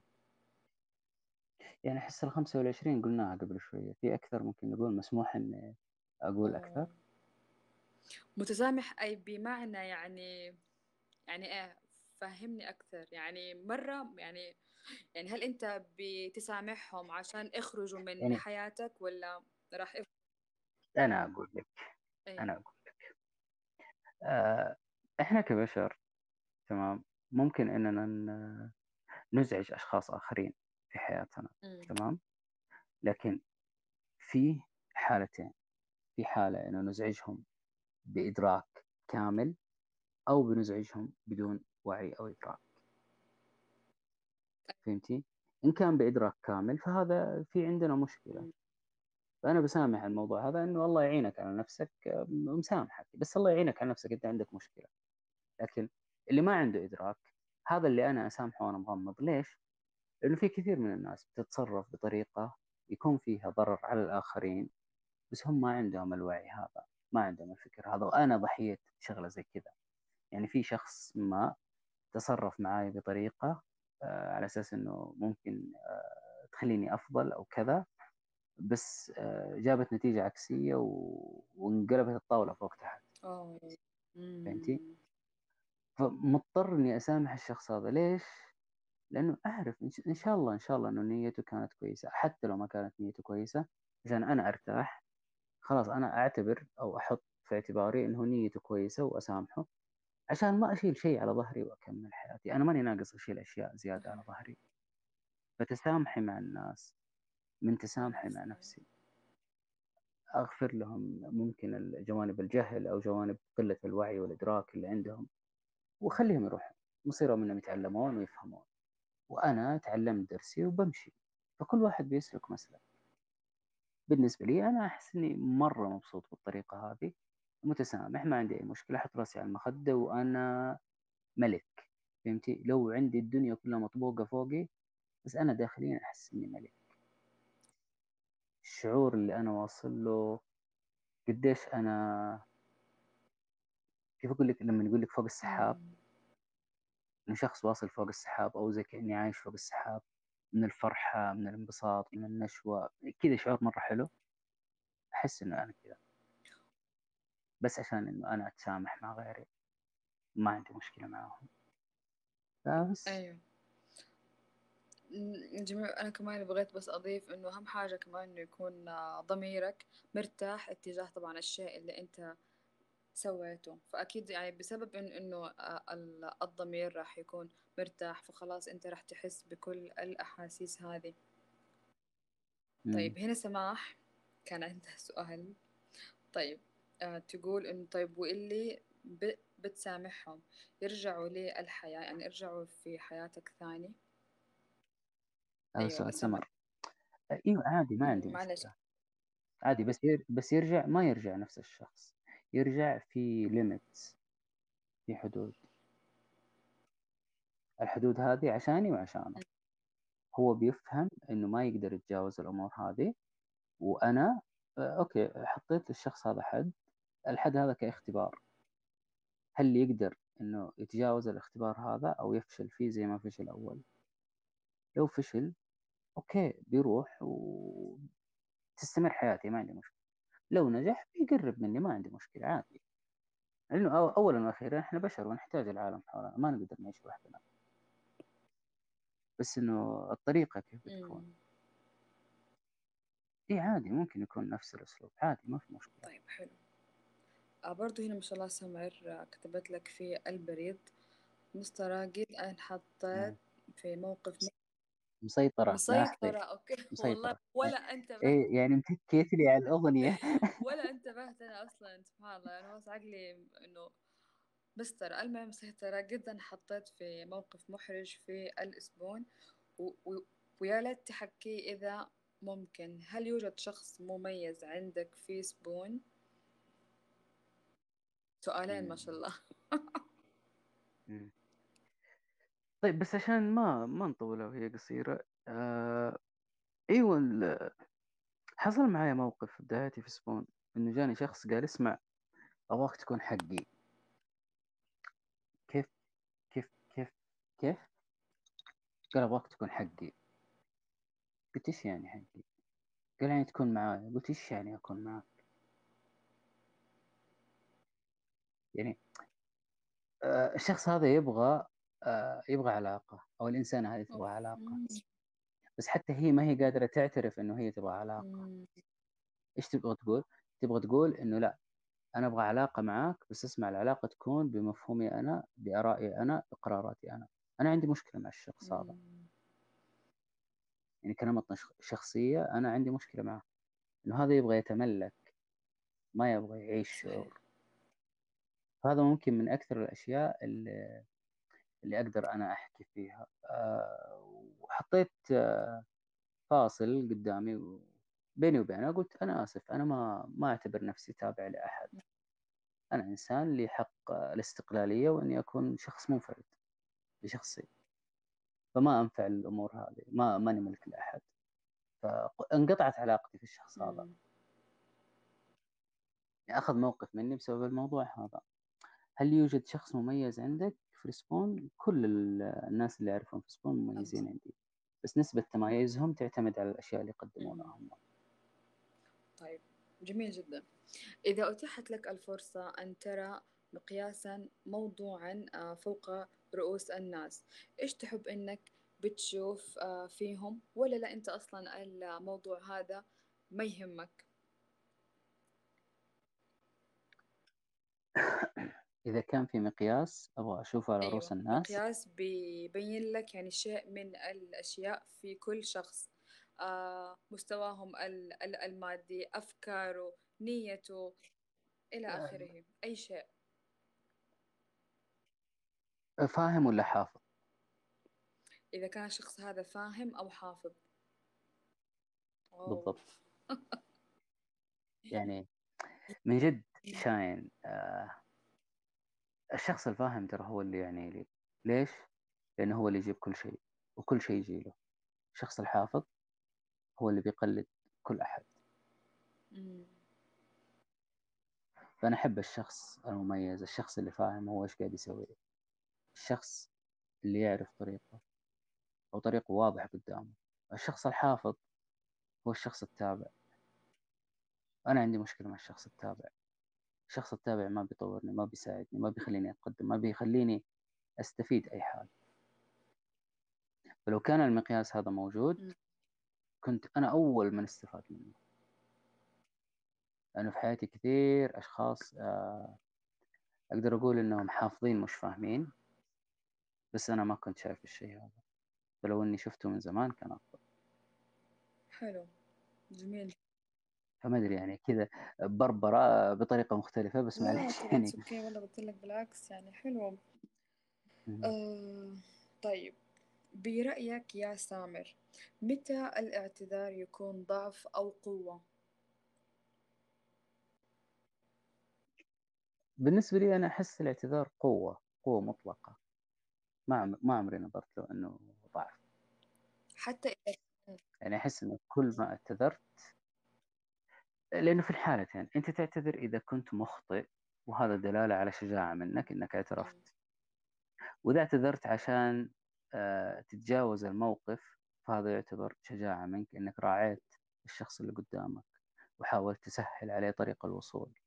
فاعتذارك أنت ممكن يكون مبادرة خير. فأحس إنه من الناحيتين لما أنظر لها أنا أشوف إنها مجدية. حتى إن ما كنت أنت مخطئ ورحت بتعتذر.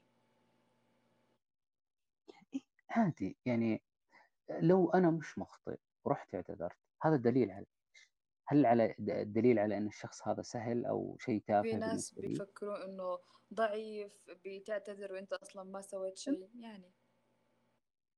ما قلت لك أنا أحب الناس اللي فاهم مش حافظ إيه خلاص فلا إيه هذه هذه فكرتك أنت ولا فكرة المجتمع من حولك؟ خلينا نركز فيها. أحس إنه لو رحت اعتذرت لشخص حتى لو كان هو المخطئ علي إذا الشخص هذا يعني لي. كثير. مكانته عندي عالية. أنا ما أ- ما حروح أعتذر لأي أحد وكل أحد. أكيد الشيء هذا لأشخاص معينين أو أشخاص لهم مكانة خاصة. لكن لو خليت اعتذاري أمشي وأوزع ستيكي نوت مكتوب فيها أنا آسف أنا آسف أنا آسف أنا آسف أنا لا هذه يبغى أعطيني أعطيني على قفايا ما عندي مشكلة. مم. ما, ما ينفع. في في لها في لها جوانب في لها أشياء إن لازم آه، نفهمها. اعتذارك في وقت خطأ أو في لحظة خطأك هذا يعتبر عامل قوة كبير إنه أنت شجاع وأخطأت واعترفت أو اعتذرت فصلحت خطأك. اعتذارك مراعاة للطرف الثاني أو عشان تخفف على الطرف الطرف الثاني أو عشان تصلح علاقة مع الطرف الثاني. أحس إنه هذا مبادرة يعني عطاء لمجرد العطاء. ما يكون في شيء مشروط. فكذا أنظر لها. الاعتذار ما عمري شفته ضعف. لا. لا والله حلو. مرة مرة حلو. عجبتني الفلسفة هذه. طيب آه، إيش هي الشخصيات اللي أثناء الحوار أو النقاش بتحاول إنك بتتجنبهم؟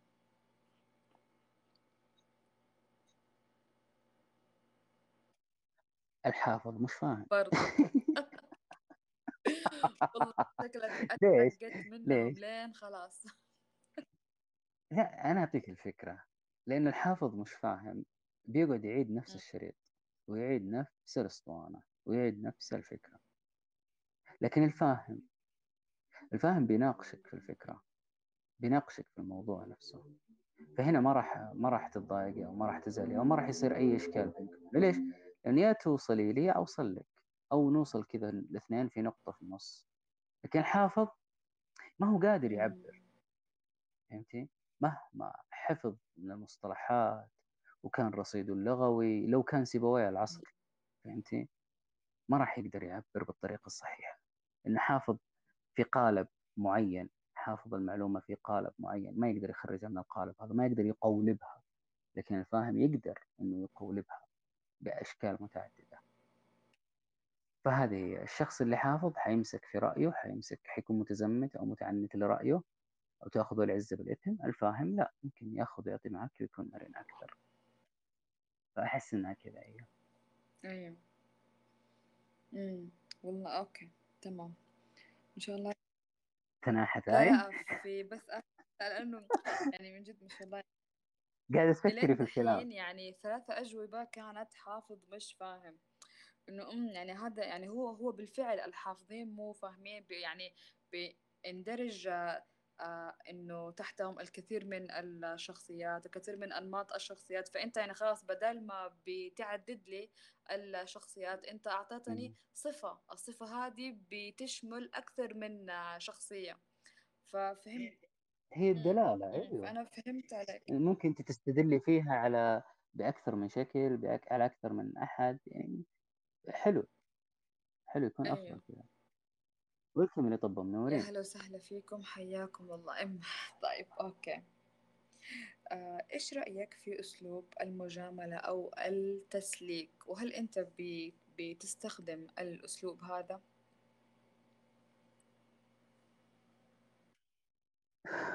المجاملة والتسليك يعني أوكي. مفهوم المجاملة إنه أنا أكون لطيف مع الشخص اللي قدامي. خليني أعطيك إياه بمفهومي أنا. إنه أنا أكون لطيف مع الشخص اللي قدامي. إنه أنا أطري عليه أو أثني عليه. فهمتي؟ أعرف إنه الثناء هذا ممكن يشعره بشعور جيد أو يخليه فعلا معنوياته مرتفعة أو يحفزه ليوصله لمرحلة شعورية أجمل. هل الشيء هذا إساءة له؟ أنا ما راح أكذب راح أقول والله أنت بس كلمة شعلانية أو أنت ديانا حداد أو أنت آه، كيم كارداشيان أو لا ما راح أوصلك للمرحلة هذه بس أقول ما شاء الله طالع حلو اليوم أو آه، ما شاء الله وجهك منور اليوم إيه. فهمتي؟ كنوع من المجاملة بس المجاملة هذه بيكون لها أثر نفسي على الشخص بتنعكس عليه يعني إنه أحد رآه مم. فحلو إنه نشعر في لحظة من اللحظات إنه إحنا مرئيين عند الناس لكن في بعضهم يجيبها اوفر فهمتي يعني تمزيح جوخ. تمزيح جوخ. لا أنا ضد الشيء. هذا. لكن في لطافة في التعامل في في كلمات كذا تعطي دلالة على إنه لا أنا أشوفك أنا أعتبرك أنت إنسان جميل أنت إنسان لطيف. ترى هذه لها وقع كبير. يعني الآدمي حتى ترتفع مستويات الثقة عنده بذاته. فاحس إنها مرة حلوة. لكن آه الثانية إيش هي؟ المجاملة وإيش؟ المجامله وايش إيش والتسليك. التسليك. نعم. آه التسليك لا أحس إني ماني مضطر إني أسلك. آه، ممكن أعطيك الرأي وعجبك عجبك ما عجبك آه، براحتك. التسليك إيش هو؟ لكن هو. يا سامر؟ التسليك إني أعطيك على جوك أقول لك ها أيوه أيوه صح صح صح صح صح صح أي صح صح. كذا فهمتي؟ أنا ما أحب كذا. أحب لا يا حبيبي أنا عندي رأي. تسمع رأيي زي ما أنا أسمع رأيك. بكل لطافة بكل ود بكل احترام. عجبك؟ okay. عجبني؟ okay. ما عجبك؟ okay. ما عجبني؟ أوكي. إيش مم. المشكلة؟ بس إننا سمعنا بعض. فهمتي؟ لكني أسلك لك أسلك لك. أنا عندي واحد من الاثنين يا إنه أسمع لك يا إني أقول لك معلش أنا ما أبغى أسمع لك. عادي. آم، لا أشوف فهمتي؟ يعني أنا لأني أسلك أحس إنه أحمل نفسي شيء أك- في من طاقتي نقطة أنا ما أحب هنا في الشيء هذا في آه، مو- مم. موضوع ال- ويلكم يا توم ويلكم طبعا يا ويلكم أهلا وسهلا بالجميع. ال- النقطة اللي أنا بغيت أوصل لها إنه دحين يعني على على سبيل آه، المثال أحد ما من المقربين مم. لك أنت مثلا كنت في وضع أو في وقت ما لك خلق إنك ب بترد على أحد. فسألك إنه إنه كيفك سامر؟ أخبارك؟ مدري حكينا عنك زمان عنك. فأنت ما لك خلق. هنا أنت كيف راح بتتعامل معاه؟ هل عادي؟ يعني حتقول له أنا بخير ولا راح بتعطي له يعني الكلمة ورد غطاها؟ لا- لأنه أنت أصلا يعني في في مزاج أو في وضع ما يسمح لك إنك بتاخذ وتعطي معاه في الكلام. فهمت علي؟ أنا أنا أبغى أعرف ردك مم. مم. آه،. ردة فعلك في اتجاه الموقف هذا. تمام. في ناس موجودين معانا هنا في البث يعرفوني ويعرفون أنا كيف ممكن أتعامل في كثير من الأوقات. بس خليني أقول لك. آه، ممكن أحد يجيني يسألني آه، سامر كيف حالك؟ أرد عليه الحمد لله تمام. وخلاص أختفي. مم. تختفي. اختفائي هذا ابتعادي مم. تمام؟ إنه لا هذا معناه أنا أحتاج وقت مع نفسي. ماني ماني مستعد إنه أنا أتبادل أطراف الحديث أو أتجاذب مم. أطراف الحديث. ممكن يسألني سؤال أرد عليه. ممكن أشوف محادثته. يعني ممكن البعض يعتبر هذا هذا الشيء آه، نوع من الفظاظة أو قلة الأدب إنه ما ترد علي. بس أنا ممكن أشوف الكلام أحس إني لا ماني في ال mood عشان أرد. okay ممكن أخلي الكلام هذا على جنب. أرجع مرة ثانية وأرد عليه. لكن في نفس الوقت لا أنا أحترم نفسي أحترم ذاتي أحترم وضعي اللي أنا أمر فيه حاليا. فأعتقد أنه من حقي أنه الآخر يحترم مثل ما أنا أحترم. فوقتي الخاص أحت... يعني شيء مقدس بالنسبة لي. ما أقدر أجي على نفسي عشان أحد. لو أقدر على حاجة لو أقدر أرد لو أقدر أعطي بعطي. لو ما أقدر بقول والله معلش يعني أحتاج كذا إنه أجلس لوحدي. من. حقي حتقول يعني. مو إنه حطنشه أو أيوه يعني أيوه حتعطيه خبر. أيوه مم. أيوه, أيوه حقول لا لا حقول أحيانا تمر في لحظة تخبط كذا أنت آه ما ما تكوني فاهمة إنه أنت إيش صحيح تحتاجي بالضبط. فهذه ال... بتمر. بتمر. فممكن يحصل فيها تطنيش. يحصل فيها كذا أو نوع من التجاهل مع إنه ما هو القصد أيوه تجاهل على قد ما هو إنه أنا مخنوق فأحتاج إني أبقى لوحدي. كذا أحسها. لكن في أوقات لا بقول إنه أنا أحتاج كذا كذا عادي. حلو جميل. ما هو هذا؟ أنا النقطة هذه بالذات هي اللي أنا نفسي إنه الناس يتفهمونا. طبعا إحنا أكيد حن... حن... حنتفهمهم آه عليها لو يعني هم سووها معانا. بس كمان أكيد إنه هم كمان أتفهمونا. إنه لو ما ردينا عليكم لو حتى لو يعني إنه شفتونا أونلاين في أي مكان طبعا آه، الخ- الخاصية حقت الأونلاين هذه يمكن أكتر خاصية أنا أكرهها في. كل الت- الت- الت- التطبيقات إنها بالفعل يعني سببت إنه أوه أنت ك- كنت أونلاين وما هذا طب يعني مشغولة يمكن يعني أعطوني ألف عذر لكن لا لا أبدا ما يعذروا أحد. شفتك؟ أنت كنت يا بالضبط. ربي. ليش أنت أونلاين؟ شفتك متصلة وما رديت عليه. طيب يا أختي ما ما أبغى ماني في المزاج إني أرد. عادي من حقي ترى ما هو يعني زي كأنك شفتيني مولع اللمبة حقت بيتي تقولين لا افتح الباب سلم علي. جميل. ما ما ينفع جميل. إي والله. والله. شيء إي ف- والله فاتح بالضبط. ما عشان كذا يعني أتفهمونا. يا أخي أعطونا اعذار يمكن بنكلم بالفعل شخص يعني إنه إنه إنه مهم جدا. ويعني أيوه ما إحنا فاضيين للمحادثات ال- الثانية. افهموا بس افهم الجانبية. الجانبية أو كذا. حقت سواليف كيف حالك سويتي والله فلانه سوت والله فلان إيه آه، okay. طيب ما شاء الله. بيطالبوا يا مسطرة بتجديد البريد. إيش رأيك؟ أنا هل نعطيهم الفرصة هذه ولا لا؟ أبد يستاهلون أعطيهم. بس أنت شايفة شايفة سؤال عيوش؟ اللي في فين؟ في ال text صراحة لا ما شفته. مم. عيوش. ترى وجود الأصدقاء في آه. حياتك وش مم. وش يمثل لك؟ حلو. ما شفت طبعا عيوش هذه ما تعرف لا مين صراحة ما أعرف مين مم. إن شاء الله تصادفيها في بثوثي آه وجود الأصدقاء شيء عظيم جدا بالنسبة لي. عظيم جدا. لكن من هم الأصدقاء؟ هنا السؤال؟ في أصحاب في معارف بس الأصدقاء من هم؟ هم اللي يعرفوك هم اللي يتحملوك هم اللي يشوفوك. عشان كذا أنا ما عندي أصحاب في الواقع. على أرض الواقع أنا ما عندي صاحب واحد. ليش؟ لأنه كل ال... كل الناس كانت تشوف آه، لغرض معين. وهذا هذا شيء مزعج بالنسبة لي. عشان كذا أصبح الموضوع عندي عادي يعني ممكن أصادق طفل آه، علاقتي بعيوش يعني. شو أقول لك أعاملها زي زي شخص بالغ يعني كذا قاعد يصاحبها. عيوش هذه بنت أختي. آه ما شاء الله. واللي موجودة معانا ما أختي.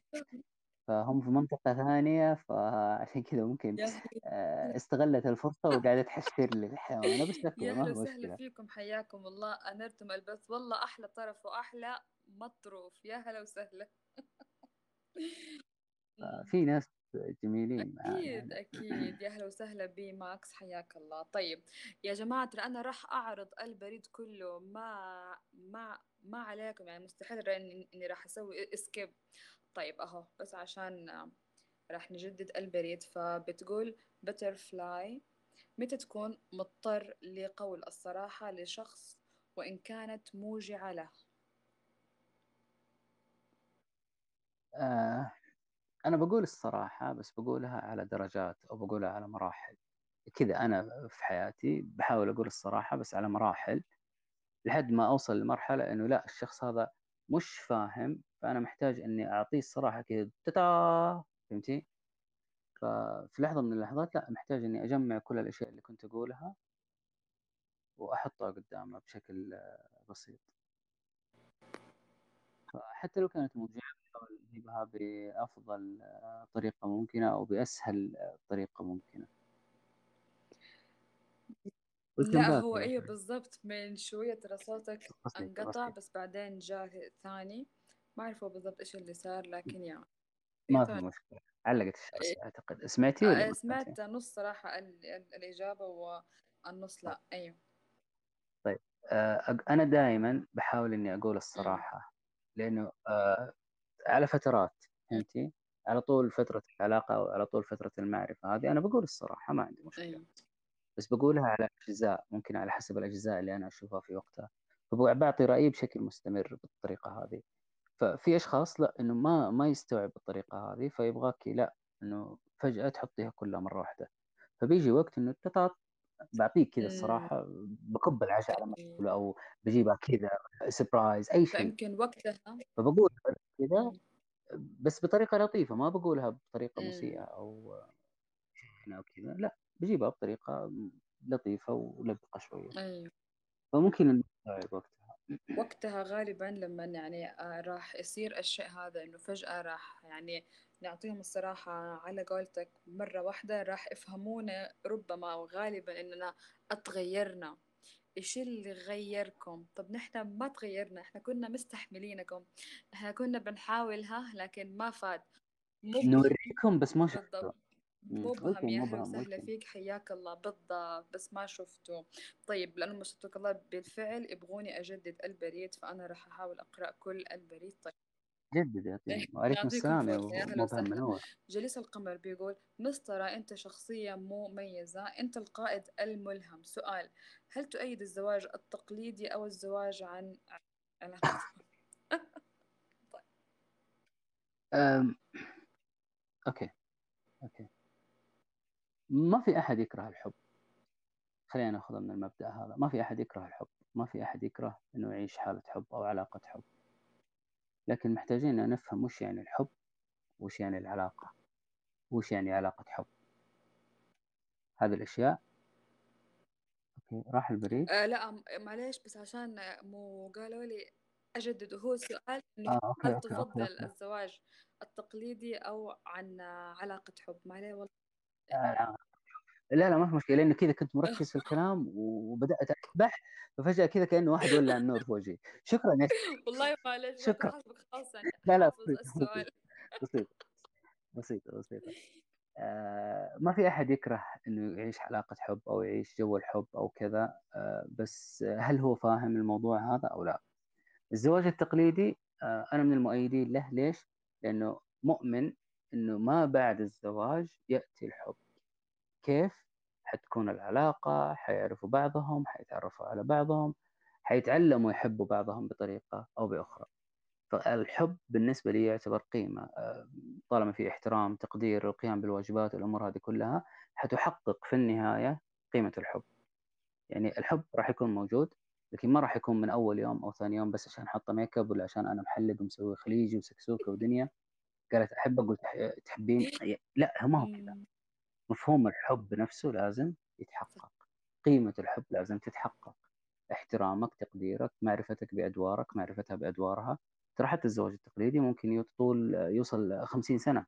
ويكون من أنجح الزواجات، ما بيكون كله وردي، بيكون في يعني طلعة ونزلة and downs آمم، أشياء ممكن تتشاكلوا فيها بس تتعلموا تحلوها، تتعلموا تفهموها، فهذا طبيعي، إحنا بشر.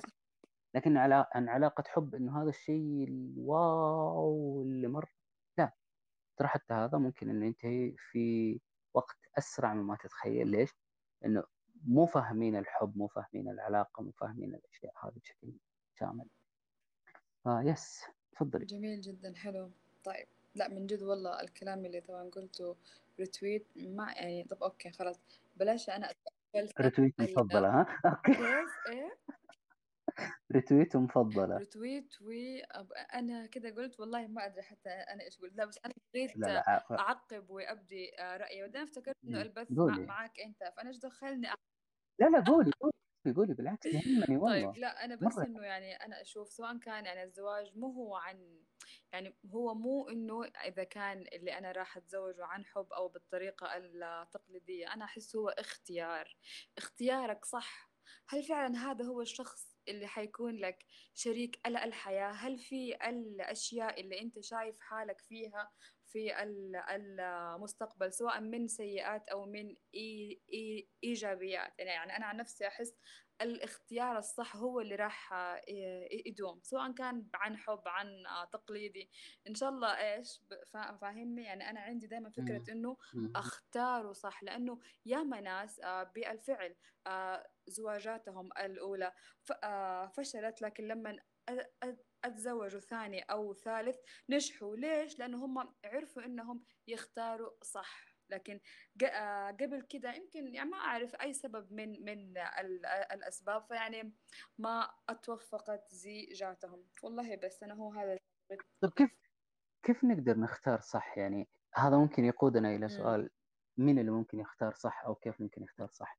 فهذا السؤال خليه معاكي ممكن آه، في بث ثاني بالضبط كذا ما أبغى أتطفل على مسار البث هذا.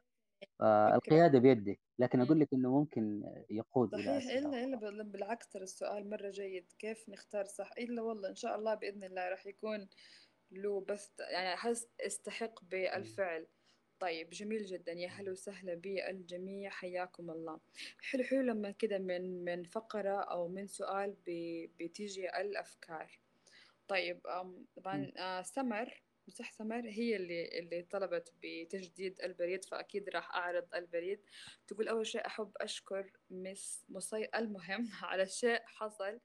الثانية ترى سؤال عادي هل عادي. تشوف إنه العلاقات أساسها شنو أو إنه من جد الحياة بتعطيك دروس ونتعلم منها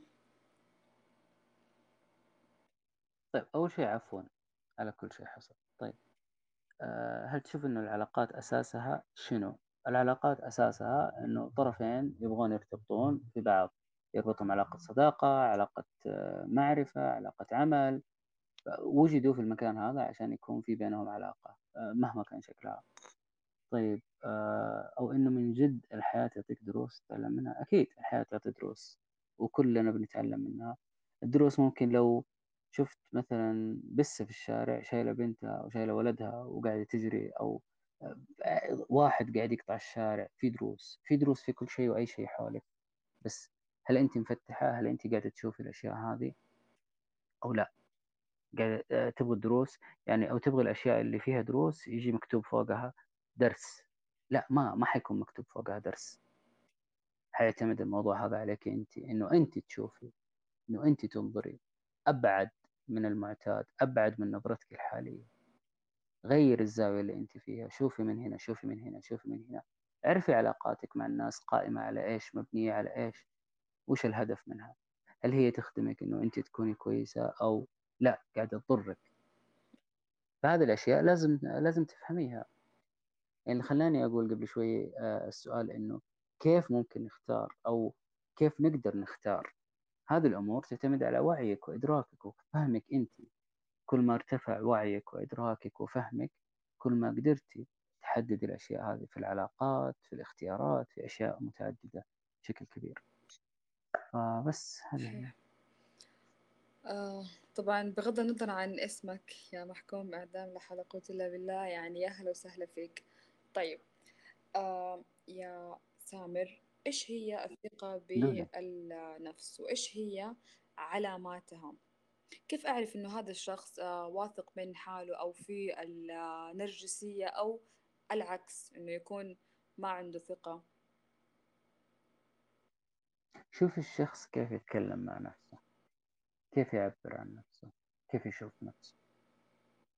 ليش؟ لأن هذه كلها دلالات. كل ما أحد شاف نفسه في مكان أعلى كل ما كان واثق كل ما شاف نفسه أنه تحت كل ما قلت ثقته بنفسه. الثقة بالنفس هي القدرة على رؤية الذات من مناظير مختلفة مناظير عالية أو مناظير آه خلينا نقول آه سفلية. يعني بيختلف من واحد لواحد. بيختلف على التأثيرات اللي عاش فيها بيختلف على الظروف اللي عاش فيها بيختلف على الأفكار اللي يحمل اللي يحملها أو تحملها بيختلف على المبادئ والمفاهيم اللي هو يعتقد فيها ويؤمن بها. فما أقدر أقول إنه في مقياس محدد بس هي قدرة الشخص على رؤية ذاته. كل ما رأى ذاته بصورة واضحة كل ما ارتفعت الثقة أو زاد زادت مستويات الثقة عنده. كل ما كانت رؤيته لذاته ضبابية كل ما قلت مستويات الثقة بالذات. جميل جدا حلو. لا من جد حلو. عجبتني مرة كثير الفلسفة اللي هنا. طيب آه قد إيش أنت بتتفق مع الجملة التالية؟ الرد على السفيه مذلة.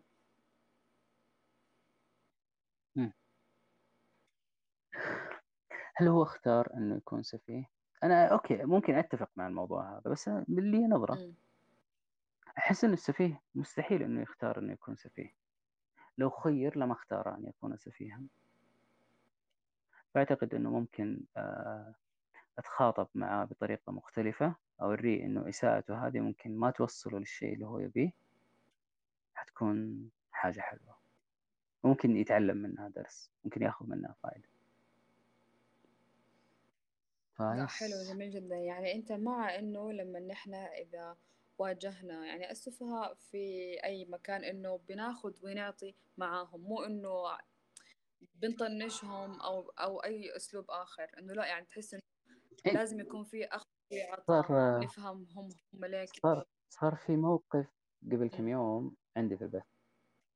الموقف هذا لو حصل في أي بث ثاني كان الشخص هذا انطرد وتبند وانشات كذا ببوز وأي شيء أي شيء أي شيء فهمتي؟ ونحش لين سنتين قدام. بس لا أنا فضلت إنه أنا أتكلم مع الشخص. لما تكلمت مع الشخص برد هدي حاول يغير نبرته حاول يغير كلامه بطريقة مختلفة. فما أعتقد إنه في شخص يختار إنه يكون سفيه لأنه مزعج الموضوع هذا. صحيح. صح، حلو. طيب. آه فين كان السؤال؟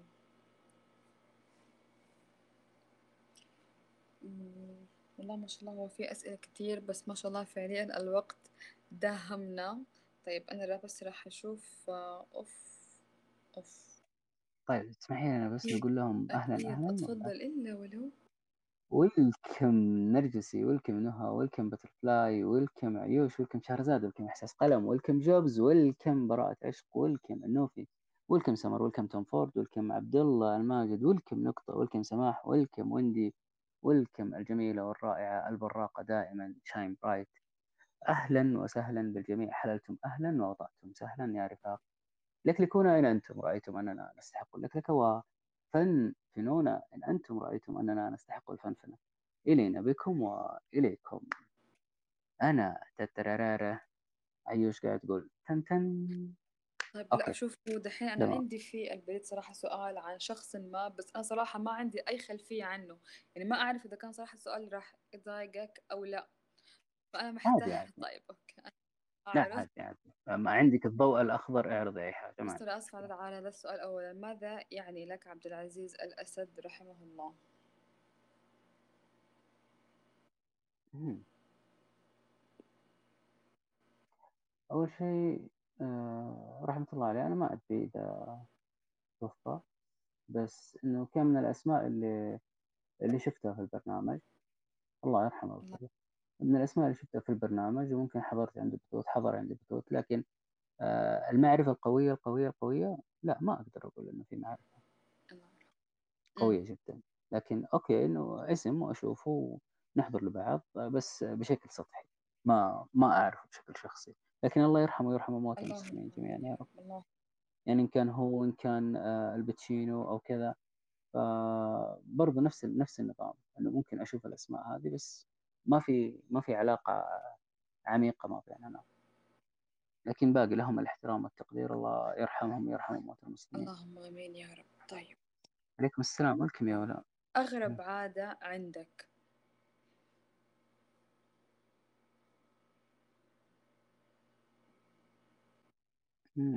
أغرب عادة عندي.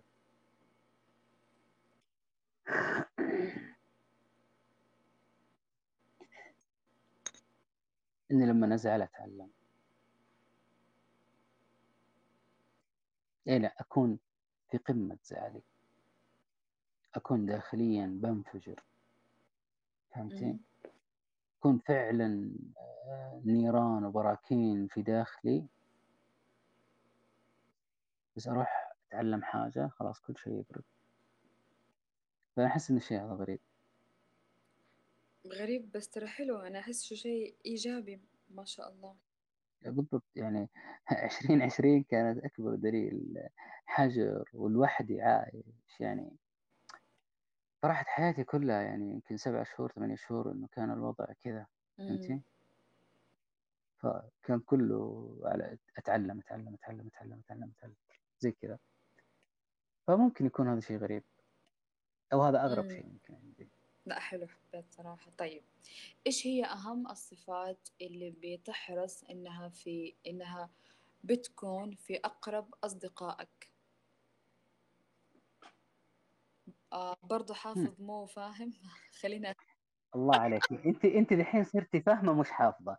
فشكرا لك. برضو؟ والله شكرا. والله أنا لا فعلا قلت فاهمة. خليني مم. أخمن. بس لا ما في لأنه صفات صح. آه، إيش إيش إيش ممكن إيش ممكن أحتاج من الصديق؟ أمم، أكثر من عقله. أمم، يعني فلوس؟ لا ماني محتاج جاه؟ ممكن الجاه يخدم في مواقف أو كذا. بس برضو إذا كان الجاه بدون عقل فأنا ما أحتاج فأحس العقل إنه بيكون هو العنصر الأهم. وبعد بعد كذا مهما كانت الأشياء ممكن أتعايش معها وأتقبلها ما عندي مشكلة. لكن الأهم الأهم الأهم إنه يكون فاهم مش حافظ أيوة. يا هلا وسهلا فيك يا توم فورد. في نورتنا يا حبيبي يا توم نورتنا. مم. خلاص أدل ما جمعناها أنا ما راح أسألك هاي سؤال يخ- يختص بحافظ مو فاهم. لا بالعكس شاين مستمتع. لا لا والله أنا أكيد أمزح طيب آه فين كان السؤال؟ دوبه كان أيوة. شخصية عامة بتعجبك لأي سبب كان؟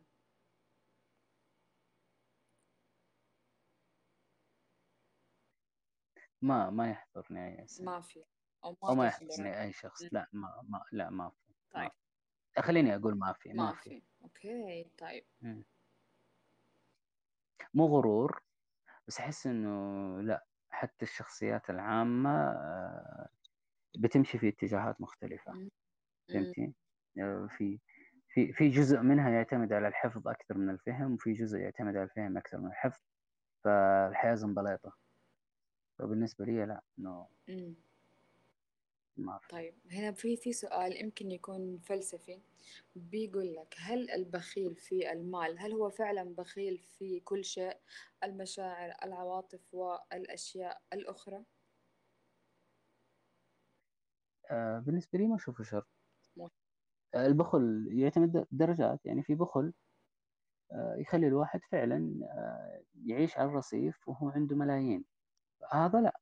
هذا في مشكلة. هذا هذا فيه في خلل عنده يعني حتى في عواطفه وحتى في مشاعره ممكن يكون بخيل. لكن البخل على قولهم اللي باعتدال اللي يكون أقرب إلى الحرص في الصرف كذا ما ما أتوقع إنه حيكون في آه، بخل في عواطفه لأنه حريص وحرصه هذا حينعكس حتى في أمور ثانية آه، مع الناس اللي حوله. أحس إنه كذا لا كل ما كان حريص كل ما أبدى حرصه على الناس اللي حوله بشكل أكبر. لكن البخيل اللي مرة متطرف لا هذا وضع منتهي. موضوع منتهي. طيب. لمين بتفصح أسرارك. أنا هنا ما أبغى أسماء آه، أشخاص أبغى م- م. صفات. لا دقيقة خليني أخمن. برضو حافظ مو خمي حافظ مو فاهم. ممكن يكون حافظ مو فاهم. آه بس للأمانة ما قابلت كثير حافظ وفاهم مو حافظ ما قابلت كثير. يعني قابلت قابلت ناس آه آه، النسب تتفاوت. فهمتي في أشياء أنا ممكن أقولها لأي أحد وكل أحد ما عندي مشكلة. في لا. أشياء لا في عندي أشخاص مفضلين إني ممكن أقول الكلام هذا. لهم. على حسب الجوانب. يعني ممكن أجي أتكلم مع شاين في جانب معين. فلان ممكن أتكلم معه في جانب. ثاني. إني أعرف أن شاين ممكن آه، تهتم في الجانب هذا وفلان هناك يهتم في جانب مختلف. فأنا قادر إني أفهم الشخصيات هذه مم. فأتعامل معها بناء على هذا الشيء. ممكن يكون الشيء هذا مزعج للبعض بس أحس إنه لا هذا يريحني. بدل ما إنه أوكي أقفل على كل شيء وما أتكلم مع أحد أو إني أروح أتكلم مع شخص واحد في كل شيء ويكون في في مشاكل فهمتي؟ مم.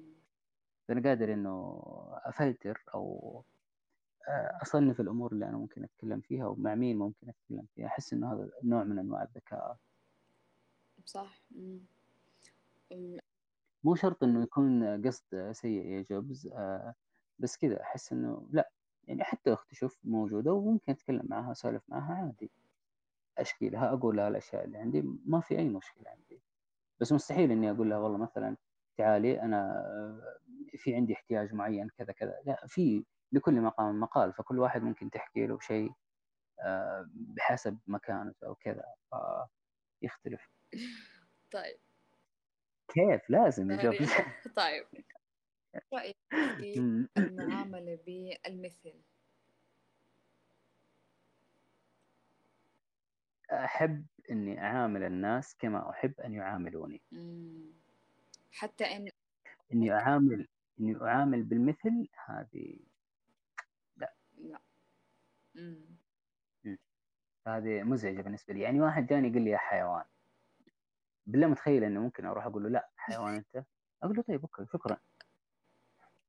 هو بيمتنع. ما عاد بيقولها بيرتفع ضغطه ممكن يعيدها 20 مرة. بس بعد كذا بيعرف إنه هذا الشيء ما راح يوصل لأي نتيجة. أيوة. فهمتي؟ فخلاص بيمتنع عن التصرف هذا أو بيعرف إنه سامر أو مسطرة ما يمشي مع النظام هذا فلازم أنا أشوف نظام. ثاني. فممكن يجيني بنظام جميل لطيف ممكن أتجاوب معاه بشكل أفضل. طيب. حيوان ما يعجبك لأي سبب كان؟ حيوان ما يعجبني لأي سبب كان. مم. الفيل؟ مم. لأنه يذكرني بشخص. في شخص كان آه، عزيز بالنسبة لي فحيوانه المفضل الفيل. مم. فمن وقتها أنا أحب الفيل. okay. بس يعني من حبي للشخص هذا أو مكانة الشخص هذا. فكل ما شفت الفيل في أي مكان لازم الشخص هذا يجي في بالي على طول. okay حلو جميل جدا. طيب دو... د... هذه دولة ما بتعجبك لأي سبب كان؟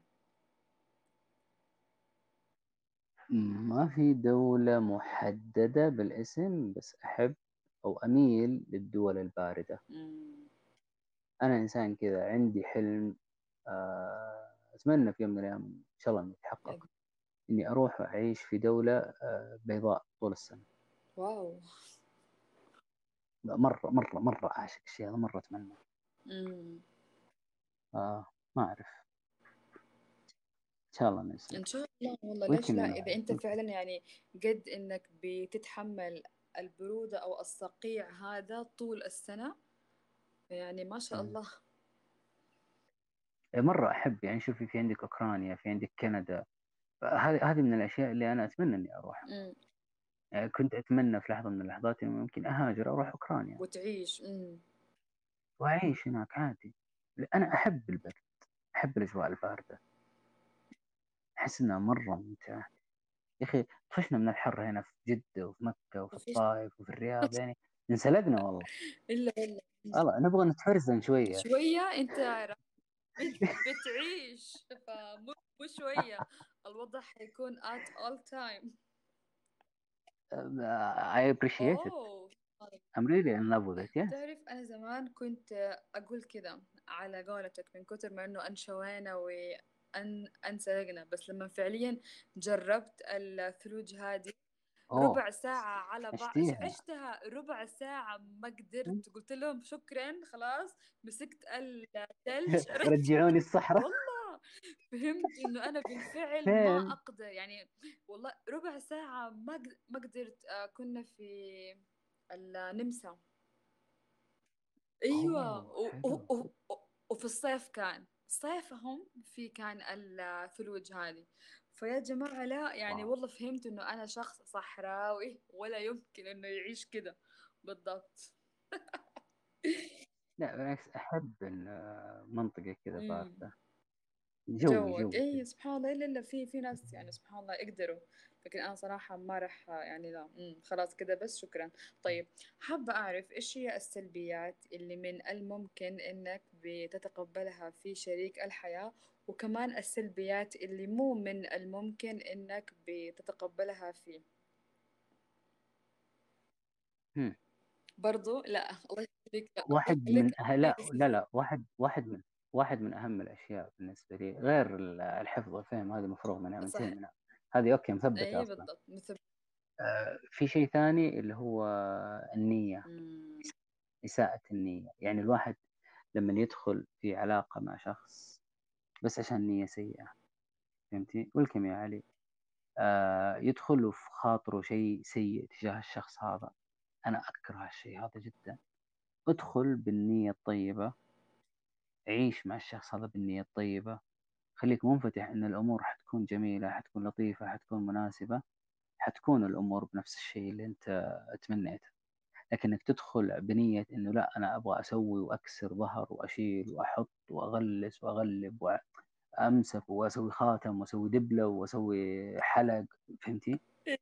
لا هذا ما ينفع فإنك. تدخل بإنسانيتك وتخليه يدخل هو بإنسانيته حتعيشوا في سلام. لا.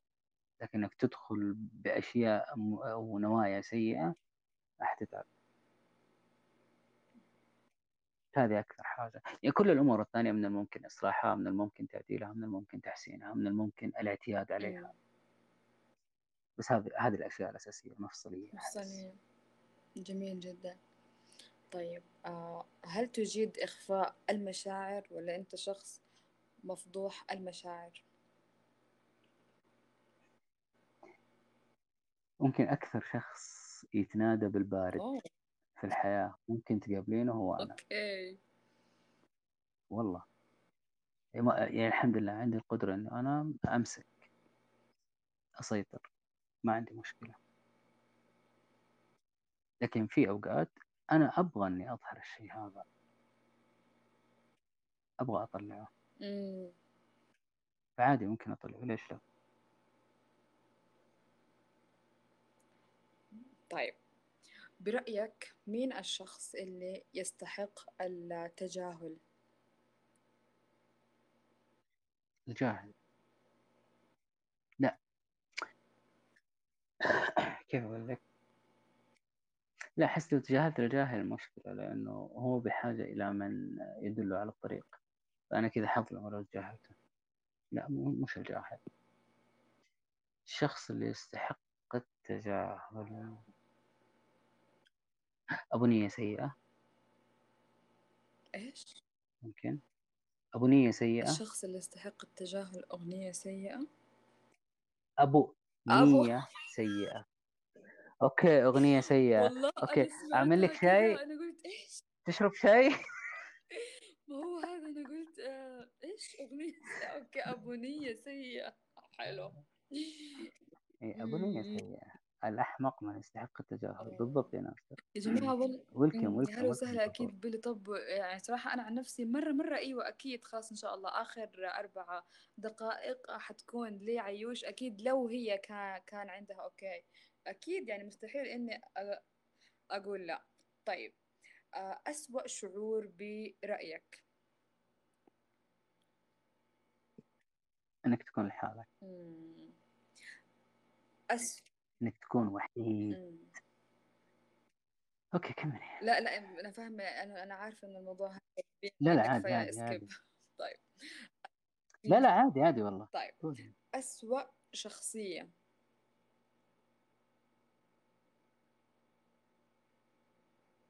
برضه آه، اللي اللي فيه اللي فيه اللي فيه شر. مم. اللي كذا يختار إنه يكون شرير أو يختار إنه يكون فيه شر كبير. أوكي. يا جماعة لا يعني بس معلش يعني نحن نحترم من هذا البث الصراحة وكذا فيعني معلش أنا أنا بالفعل عندي عندي والله أسئلة كثيرة فخ لا لا ما في مشكلة. خليها خليها أسئلتها دقائق أكيد يعني إن شاء الله هي لها. شكرا شكرا لكم. طيب. فين كان السؤال؟ والله خلتوني أضيع السؤال. طيب مثل أو مقولة أو حكمة بتؤمن فيها؟ أوف أوبا إيش صار؟ طيب إن شاء الله. بالضبط. كنت أطالع في الآيباد ومنسج ما فجأة. بسم الله حبت حوبتكم أنتوا بالضبط. طب يا جماعة ليه يا جماعة؟ يعني يعني أنا كمان عندي أسئلة يا أخي. طيب. يا مسطرة أين مسطرة أين ذهبت؟ دقيقة يا جماعة حتى أنا بحاول أعطيه دعوة. مو راضي. وي أوف. طب أنا جايني إنه آه آه تمام تمام. طيب تمام. معلش فجأة فصل إيش صار؟ قول فجأة أيوه أيوه معلش شكله زعلان من نسبون شكله برضو عشان الخمسة الدقايق. ما علينا طيب. آه إيش كان أيوه أيوه مثل أو مقولة أو حكمة بتؤمن فيها؟ عامل الناس كما تحب أن تعامل أو كما تحب أن يعاملوك. جميل جميل. هذا شيء أنا ماشي عليه. صحيح بالفعل يعني كمان اللي ما بترضى على غيرك أو على نفسك ما ترضى على غيرك. بالضبط. يعني يعني يا نرجسي بدري اللايك دوبو يجي. طيب. إن كان مشغول يطبخ أخ. مشكلة لين دحين ما ما جاني أي بريد. طبخة أيوه ما ما جاء ولا شيء. والله أدري أدري. طيب. لمين بتعطي الفرصة الثانية؟ أو مين استحقها؟ الكل. مم. الكل. الكل الكل؟ الكل الكل لأنه ما في أحد يحب إنه يخطئ أو يسيء التصرف. مم. فأكيد إنه أساء التصرف أو أخطأ نتيجة لجهل فلذلك يستحق الفرصة الثانية. جميل. حتى أنا ممكن أخطئ وأستحق الفرصة الثانية. عادي. حلو. يعني من باب إنه يعني أنا كمان أقبل كده فأكيد بشر أيوه إحنا بشر. يعني نخطئ ما, ما إحنا كاملين فاهمة؟ طيب. يحتاج إن أحد يفهم الموضوع هذا. لا دقيقة أنا دحين ضحكت على البريد اللي جاني من جوبز. يا جوبز. عادي خبز ما عليك شيء هاتي. لا هو علق علي أنا. يقول الله يرزقني كثر ما قالت المذيعة بالفعل. الله يسعدك يا جو. لا هي ما تقول بالفعل هي تقول بالفعل. يعني كذا. أيوه. هي تجيبها بطريقة مختلفة. يعني ما شاء الله تبارك الله متميزه فجوبز الله يسعد أيوة قلبك. يعني ملاحظة ما شاء الله عليه باين عليه شديد الملاحظة. طيب جميل جدا. حلو.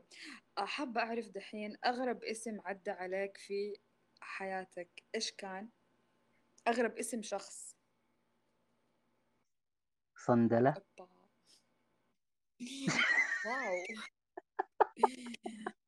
وكان اسم لأنثى أو لذكر؟ أيوه اسم انثى الله، حرام ولدي حرام. وأنثى مدرسة. لا كمان؟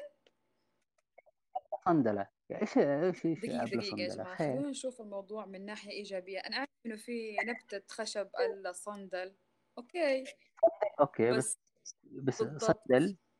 بالضبط يعني في نبتة في في فرق. بالضبط. طيب طيب. معروف مو مدرسة بس شفتي؟ أوف. آه أنا آسفة. حرام. لا أنا ما عندي أيوه. مشكلة بس مع احترامي الأسماء بس في أسماء سبحان الله كذا ما تكون لطيفة على أصحابها فتسبب لهم من مشاكل. عليكم السلام طيب. طيب بس عشان على السريع يا أم.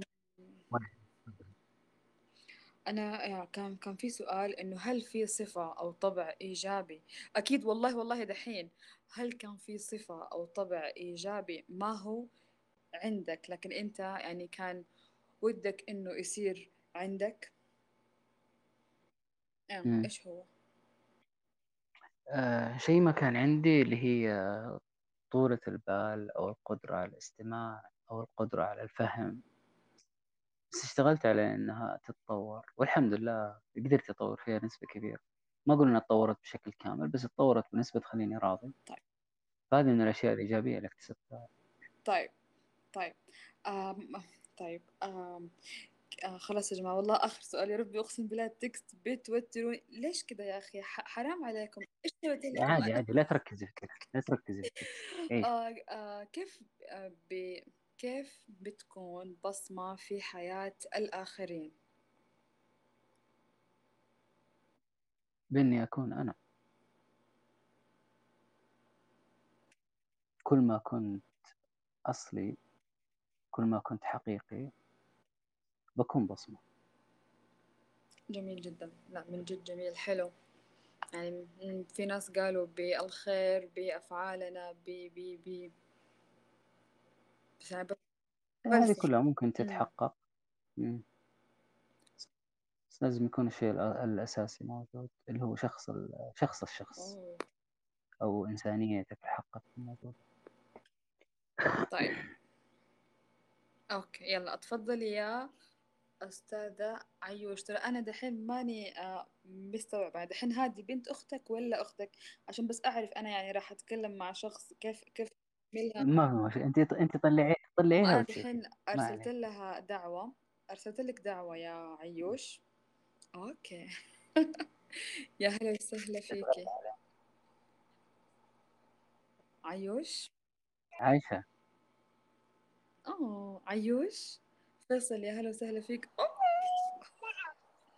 صغنونة. الله يسعدك يا رب. يا هلا وسهلا فيك يا عيوش. بعيد الصوت يا عيوش. بعيد الصوت. صوتك بعيد يا عيوش. يا عيوش أيوه صوتك مم. بعيد مرة ويمكن برضو ال- الشبكة أيوه. لا الحين رجع وعليكم السلام ورحمة الله وبركاته. كيفك يا عيوش؟ الحمد لله نحن بخير. انت كيفك؟ نورتينا نورتينا. الله يسعد قلبك يا رب. نورتينا. نحن إيش؟ الله يسعد قلبك. أوه يا ربي. هي هذه أظن بسم الله صحة صحة على قلبك يا رب. صح صح هي هذا أظن اللي قالت الفنفنة ولا لكلكة صح؟ أوه يا أيوه قوليها كده. قوليها بالله. لكلكون أن أنتم ترون أن نستحق اللكلكة وفنفنون أن أنتم ترون أن نستحق الفنفنة كان معكم أنا لي بكم. تترارارا تتم. كفو. جماعة دحين قاعدة أموت. الله يسعدك ما شاء الله تبارك الله. قولوا ما شاء الله قولوا ما شاء الله. يا الله جماعة كلنا كلنا نقول بسم الله ما شاء الله. الله يحفظها ويحميها الله يحفظ يا هذه يعني الحب الابدي والأزلي واحترم الله يحفظها يا رب لكم ويخليها يعني في بالفعل بتحب ما شاء الله لا قوة إلا بالله. كف كف كف كف. الله يحفظك يا رب. يا ربي ما أعرف يا جماعة ترى يعني أوكي يعني أنا ترى ما أعرف كيف كذا أتعامل مع الأطفال فما ما أدري يعني.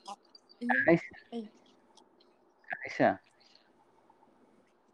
عائشة نعم كيف حالك؟ الحمد لله رب العالمين يرحمك الله رب العالمين. أيوة. وحشتيني يا الله وحشتيني والله وحشتيني يا عايش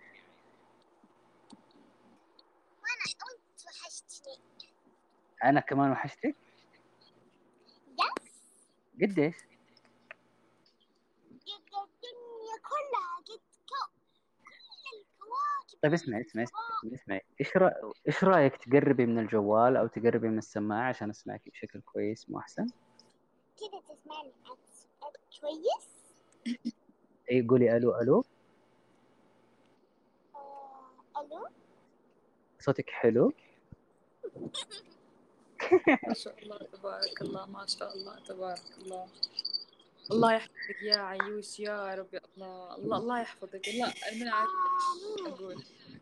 اللهم آمين يا رب. اللهم طيب آمين. خلاص البث هذا. عايشة البث حينتهي فممكن تنزلي عشان نروح البث اللي هناك. طيب. في أوكي. الله. الله يحفظك الله يسعدك يا شاين. شكرا شكرا لك على وقتك. شكرا للموجودين. واحد واحد. ممتن لكم جدا. وفرصة جدا جدا جدا آه، رهيبة شاين. شكرا لك. وإن شاء الله كنا ضيوف خفيفين عليك. آه، في أمان في أمان. الله وأكيد والله العظيم إنه أنا أكيد اللي لي الشرف ويعني بجد الحمد لله الحمد لله إنه البث يعني أتم وصار على يعني بإذن الله إنه يكون على أفضل وجه. سبحانك اللهم وبحمدك أشهد أن لا إله إلا أنت أستغفرك وأتوب إليك. إلى اللقاء في رعاية الله.